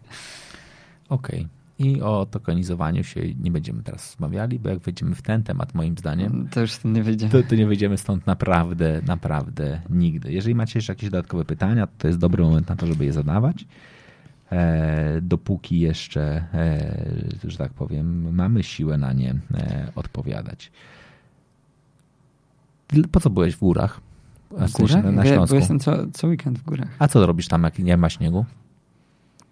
Wiesz co, akurat e, w ten weekend w ten weekend musiałem odpocząć, bo miałem strasznie ciężki piątek. Zrobiliśmy mega fuck up. E, taki mega, mega mój wspólnik umówił warsztaty z klientem, bo robię dużo warsztatów, mhm. były takie dedykowane. Klient zebrał tam cały swój dział marketingu, już czegoś wszyscy chcieli posłuchać. Nie wrzucił mi tego w kalendarz. O Jezu. No i akurat razem z nim byliśmy u innego klienta i dzwoni tam gość. Masakra, no musiałem przepraszać. I, i co? No. no ale mam nadzieję, że się jeszcze uda jakoś e, zrewanżować. No to się zdarza, nie? W sensie, no to się po prostu zdarza. Pierwszy raz mi się to zdarzyło, no to się czasem zdarza. Nie wyciągniesz mnie za język, żebym ci powiedział, ile razy mi się to zdarzyło, ale e... kilka. kilka. No i, i co, no, no tak. E, a, no więc musiałem sobie trochę odpocząć. Zresztą mam problem z odpoczywaniem w ogóle w Warszawie. Zazwyczaj wyjeżdżam. Po prostu wyjeżdżam, odcinam się. Jak gdyby tutaj jestem mega sfokusowany na, na, na celu, tak, na, na robieniu biznesu. Zresztą no, jestem od czwartej dzisiaj w pracy. Nie wiem, znaczy to, to nie jest praca, bo tu przyszedłem na obiad, e, napić się i, e, i, i, i powymądrzeć. Natomiast Natomiast i tak byłem długo w pracy, nawet jak tego nie liczyłem jako, jako pracę. No i potem sobie wyjeżdżam na weekend, jeżdżę na rowerze. Akurat teraz skończyłem książkę jedną, też sobie tak pochillowałem, więc, więc jestem zawsze, zawsze zadowolony. Muszę też zmieniać otoczenie, wiesz, to jakoś tak, tak, tak cały czas gdzieś lubię gdzieś wyjechać, po prostu się trochę trochę odciąć, ale i też nagrywam różne filmy śmieszne zawsze przez, przez weekendy. No dobrze ja w komentarzu do tego materiału udostępniłem trochę Twoich e, filmów e, śmiesznych, czyli linków do Twoich nagrań, żeby ludzie też mogli zobaczyć, e, co się dzieje. Wrzucimy też te filmy, o których mówiłeś, które pokazują analizę kont, czy nie? Czy, czy możemy, tak, czy tak, tak, no oczywiście, że tak. Możemy wrzucić te filmy? To jest teraz żebyś... dowód w sprawie sądowej. więc będziemy o tym... Naprawdę? Tak, tak. Ma, ale macie o to... Tak, mamy o to sprawę. Wiesz co, ja, ja już na Influencer Live mówiłem, że My stworzyliśmy narzędzie. Nie ma takiego narzędzia świe na świecie do usuwania fake followersów. Nie ma. W sensie to, to, nie jest takie narzędzie, że ja mogę to każdemu udostępnić. Mam po prostu skrypt, podłączasz sobie pod lapka, możemy podpiąć do sześciu urządzeń plus emulatory. Jestem w stanie oczyścić. Zresztą w ogóle po tej akcji nam ktoś kupił w sumie ponad milion fanów. Znaczy nie, nie tylko nam, nie tylko na konto DDOB, ale też naszych influencerów. Wiele usuwaliśmy, tak? Znaczy, że dodali wam. Tak, no i w, w, ogóle to jest niesamowite, bo jak ktoś ci kupi, to nie jesteś w stanie nic z tym zrobić. Nawet teraz kupię pół miliona, przykładowo, wydam na to, nie nie, nie, nie, nie, nie, nie 10 koła powiedzmy, ale to błyszczał. E, w sensie znam ceny, ale udaje, że nie znam. E, i, I co? No i ty, ty nic z tym nie zrobisz. Czyli jeżeli na przykład jestem fajnym influencerem, jestem, że tak powiem, czy to jest trochę... Ludzie są szantażowani, tym naprawdę. W Rosji było parę afer, że influencerzy są szantażowani. Czy to, jest, to jest absolutnie tak jak w świecie, który znasz dobrze, czyli w sporcie, że generalnie mhm. wiele ludzi, którzy na przykład sprzedają odżywki, dla sportowców. Mówią, dlaczego w sporcie profesjonalnym wszyscy kupują te e, e, nieekonomiczne. To jest niesamowite. Kiedyś poznałem gościa, który przed mnie powiedział, Wojtek, ja mam tańsze białko niż te wszystkie, którzy biorą profesjonalni zawodnicy. Ono jest tańsze między innymi dlatego, że w puszce 5-kilogramowej. Ja spojrzałem, ty jesteś na rady. Czy ty myślisz, że ktokolwiek w sporcie profesjonalnym pozwoli sobie na to, żeby no. mieć niejednorazowe opakowanie, w sensie jednorazową saszetkę, którą szczelnie wsypuje, szybko wypija, żeby nikt mu nic nie dosypał? Złota zasada, żeby sprawdzać, czy nie było odkręconej butelki. Dokładnie. I no, jakby wszystkie rzeczy, bo, bo, bo, wiadomo jest, że jest duże ryzyko, że ktoś ci dosypie dopingu po to, żebyś wypadł. I, i tak samo jest dzisiaj z takim dopingiem w, w influ. Znaczy, że tak, generalnie jak kogoś nie lubisz, to, to przychodzisz i mu kupujesz. To jest bardzo łatwe, bezkarne, totalnie nie do namierzenia. Masakra, to jest, to jest masakra. Nie? I my jak gdyby nigdy nie powiedzieliśmy, że Tamara z tych mas followersów kupiła. E, może ktoś jej kupił. Może ktoś jej cały czas kupuje. Nie, nie mam pojęcia. I jak gdyby proponowałem, no słuchaj, no możesz wyjść z tego mega twarzą. Wyobraź sobie taką sytuację. Tupina widzę, że ona mówi, kurczę, faktycznie pomożecie mi ich usunąć, bo macie ten, ten skrypt, i pomożecie mi ich usunąć. No i ona jest wtedy, kurde, złotym przykładem idealnej postawy influencerki, która wzięła to na klatę. Coś się wydarzyło, nawet nie, nie, nie może to nie jej błąd. No. Jej może błąd jest trochę taki, że no nie, bo ona mogła tego nie zauważyć. No ale powiedzmy, że jakiś tam minimalny błąd, tak, że, że, że na to nie reagowała, tak, że, że, że, że o tym nie informowała na przykład reklamodawców. No bo to jest jednak trochę błąd. No ale nieważne, no każdy ja, ja w zeszłym tygodniu popełniłem tyle błędów, że, no, że jak na przykład ten, o którym już mówiłem, że no to się zdarza, tak? Jak coś robisz, to popełniasz błędy. No i wiesz, no i przychodzi i, i usuwamy i jest, a dla niej to nie ma różnicy, wiesz, czy ona ma 660 tysięcy, czy 400 tysięcy, tak? No bo ludzie ją kochają za co innego, nie? Ludzie ją mhm. kochają za osobowość, no nie za to, ile ma fanów. No to za różnica, czy ona ma 600 czy 400. To tak, prawda. Tak z punktu widzenia, no nie ma, nie ma żadnego. No my bylibyśmy w stanie... Mało tego, statystyki będzie miała lepsze. Znaczy w totalu będzie miała lepsze statystyki. Dokładnie. Jest szansa, że, że, że rzeczywiście, nikt nie wie, jak działa algorytm Instagrama, ale jest szansa, że, że lepiej będą posty się przebijały. Chociaż ciężko mi jest powiedzieć, bo jak te konta na przykład nie są aktywne, nie, nie wchodzą, to mi się wydaje, że nie liczą się do algorytmu. No ale to jest jakieś tam dywagacje, ale wiesz, ona robi z siebie po prostu no, przykład kogoś, kto, bo ona jest bardzo profesjonalna, tak? Przynajmniej mhm. uważa się za bardzo profesjonalną osobę w tym, co robi. Z bardzo znaną e, blogerką. No i, i to było coś niesamowitego, nie? W sensie ona, kurczę, usunęła, pierwsza w Polsce w ogóle usunęła, mogłaby być twarzą w ogóle tej akcji, nie? Że, że gdzieś tam niestety Polacy są i pewnie ktoś by jej kupił od razu za 100 tysięcy kolejne, ale, ale no byśmy też usunęli, no nie, ma, nie ma problemu. Ale mogła być twarzą tej akcji, nie? Mogłaby po prostu pokazać, że jest ponad tym wszystkim, że i to też za, zajebisty przekaz do młodzieży, nie? Że ona nie chce tych 200 tysięcy, bo to mhm. nie o to chodzi, tak? Ona jest sobą, ona zna swoją wartość, ona ma tych fanów, którzy ją kochają za różne rzeczy i na tym jej zależy, nie? A tych sobie tam usunie. No ale ktoś jej doradził, że, że lepiej że lepiej iść z tym do sądu, i tak naprawdę dostaliśmy ten pozew. Ja się, ja się nie znam, bo ja nie jestem prawnikiem, ale to nie ma w ogóle żadnego argumentu na, na żaden temat. Nie? Oprócz tego, że, że z pierwszego filmu wynika, że narzędzie może być e, jak gdyby, że narzędzie może być niewiarygodne. No i to, to jest jedyna rzecz. Tam, tam nie ma nic. I to w ogóle e, mam trzy sprawy. Dwie karne i jedną e, cywilną. No, więc tam, tam na grubo, no po prostu nie, bez sensu, nie? Trochę. Znaczy, w sensie, w sensie okej, okay, no dla, to, to wiesz, no ja tam mogę, mam nadzieję, że nie będę musiał ze Stanów latać do Polski, żeby kurde użerać się e, z Akademią, która twierdzi, że, że wiesz, ma, ma, dowód czarno na białym. Nie, nie wiem, co ona chce w ogóle udowodnić. Ona chyba nawet nie chce udowodnić, że ona nie ma tych mass followersów, tylko że wy, chce... że wy nie mieliście prawa o tym mówić. Nie, nie. Ona bardziej chce udowodnić, że my zaszkodziliśmy jej wizerunkowi. I nieważne w jaki sposób. Nieważne, czy mamy rację, czy nie, to po prostu zaszkodziliśmy jej wizerunkowi. Że gdyby podważyliśmy jej profesjonalizm. Mi się wydaje, że, że o to chodzi w tym pozwie, chociaż ten pozew, on jest w ogóle krótki i z niego nic nie wynika, przynajmniej tak twierdzi prawnik. E, i, I mi się wydaje, że o to chodzi. Że, że ona gdyby chce udowodnić, że, że, że, że jej zaszkodziliśmy. W sensie, no ja sobie zdaję sprawę, że jej zaszkodziliśmy, nie? I prawdopodobnie przez tą rozprawę zaszkodzimy jej jeszcze bardziej, tak, no bo o tym będzie głośno. E, jestem przekonany. W sensie to już myślę, że to będzie coś, co. Ale znaczy, że przez rozprawę w takim sensie, że ona sobie tą rozprawą przeszkodzi jeszcze bardziej. No, myślę, że tak. No bo to wiesz, to, to się tak będzie mega długo ciągnąć. W ogóle wiesz, w sprawie karnej jeszcze jest ten problem, że ona musi udowodnić winę. Mhm. W, w, w, ogóle no szansa. Nie wiem, no nie, nie chcę się wypowiadać, bo nie jestem prawnikiem. Dobra, dobra. I to jest pewnie dobry moment. I w związku z czym my e, zaprosimy naszych widzów, żeby też się trochę lepiej poznali na prawie, czyli żeby mogli obejrzeć te dwa filmy i zastanowić się faktycznie. Tak, ten, ten drugi jest znacznie lepszy, bo ten pierwszy to rzeczywiście był taki, że tak lubimy sobie coś na szybko zrobić. E, nie, znaczy ja się zgadzam z tym, że ale pierwszy z kolei też spowodował e, tak. rozgłos. Znaczy Dokładnie. I to jest, nadał rozgłosu sprawie. I dru, w, w drugim cel uświęca środki, można tak trochę to powiedzieć, bo, bo ja sobie zdaję sprawę, że, że ktoś się na tym zna, no to w tym filmie nie pokazaliśmy nic konkretnego. Totalnie się zgadzam z tym, e, z tym zarzutem. I dopiero jak gdyby, to nie znaczy, że nie mieliśmy tych mega konkretnych, e, tych mega konkretnych danych, tak? No i dopiero w tym drugim filmie wszystko wyjaśniamy. No i, i, i ten drugi film rzeczywiście wydaje mi się, że jest znacznie bardziej rzetelny. Zresztą każdy, kto oglądał pierwszy i drugi i miał jakieś problemy z pierwszym, e, no to w drugim rzeczywiście widzi, że, że gdyby to jest, no, że to, to, to wszystko ma sens, tak? Skąd to się bierze przede wszystkim.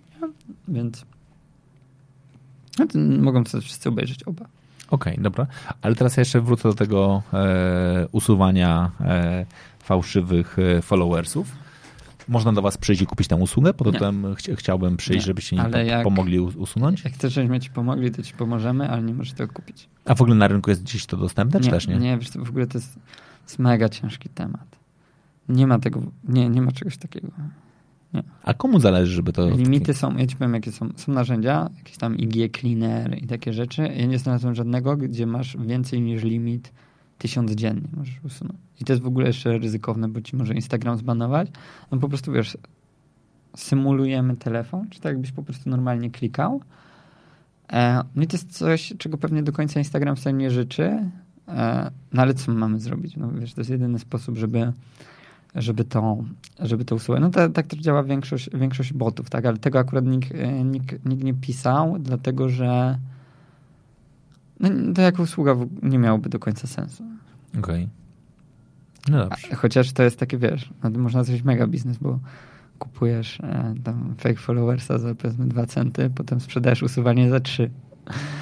Nie, nie, nieskończony popyt i podaż, nie? Jesteś świrem. Na, na szczęście etycznym i to jest moim zdaniem coś, co ten świat jakby zbawia e, przed tego typu e, rozwiązaniami. No dobra, dziękuję Ci bardzo. A proszę bardzo. Ja dziękuję za obiad, za wodę i, i za trzy live'y. No, trzy live'y jednego wieczoru, to nie wiem, czy kiedykolwiek zrobiłeś. Nie. No, nie, ja w ogóle nie jesteś, jestem, jesteś w nie jestem live'owy. Jesteś w takim razie ty, ty w mojej kategorii TI, czyli e, twórca, a nie, jaki on miał być? E, nie, nie, jaki miałby, miał być?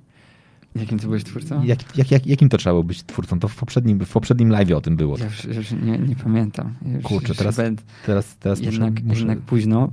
Muszę wrócić, czekaj, tutaj będzie zapowiedź, 19 komentarzy, zaraz wrócimy do tego. Dla mnie influencer, gdzie jest, gdzie jest ten, o, yy, każdy orze jak może, jest TI, kurczę, ale nie pamiętamy, co to był ten TI twórca internetowy. Nie, to ty, to, to, twórca nie, internetowy. To chyba ty wymyśliłeś to. Ja, ja utworzyłem, ja, ja, ja wymyśliłem TI, tylko nie pamiętam jakby od czego był to skrót. Myślałem, że faktycznie e, Maciej nam napisze rozwinięcie tego skrótu. No dobra. To ja w takim razie was poproszę bardzo serdecznie, szczególnie dla tych, którzy... Właśnie, bo ja ostatnio oglądałem e, na iTunesie statystyki iTunesa i okazało się, że niektóre podcasty mają większość osób, które je downloaduje i subskrybuje. I ja bym chciał też mieć tak dużo, więc czym pamiętajcie, teraz są wakacje, nie, nie wszędzie będziecie mieli internet, więc jeżeli na przykład jedziecie do jakiegoś drogiego kraju z internetem, to pamiętajcie, żeby w Polsce sobie pobrać i poszczególne audycje, żeby móc je słuchać już bezpośrednio z telefonu, a żeby jak będziecie później gdzieś e, podpięci pod e, Wi-Fi, to żebyście dostawali powiadomienie, w związku z czym subskrybujcie e, ten materiał na iTunesie. Nie wiem, jak się subskrybuje na Spotify'u, bo ja niestety jestem dzieckiem Apple, ale ty pewnie będziesz lepiej wiedział. Znaczy no, tak samo pewnie. No, tak, czy, czy, trzeba zrobić dokładnie to samo? No, tak jak wszędzie. Ja, ja, ja ostatnio muszę powiedzieć, że jechałem sobie długo, znaczy nie tak długo, ale jechałem do Gdańska, w związku z czym uczyłem Spotify'a swoich preferencji muzycznych i nawet im się udało, bo później algorytm zaczął mi podpowiadać takie kawałki, że było aż naprawdę zajebiście. Więc da się jednak, że coś skorzystać z tej sztucznej inteligencji, jak się ma też trochę swojej. No dobra, dziękujemy Wam bardzo serdecznie, było mi bardzo miło. E, Dziękujemy. E, producentka mówiła, żebym nie mówił, że puszczam muzykę, bo później w podcastach jest wycięte, że tej muzyki nie ma, więc powiem, że nie puszczam muzyki. Dziękuję bardzo.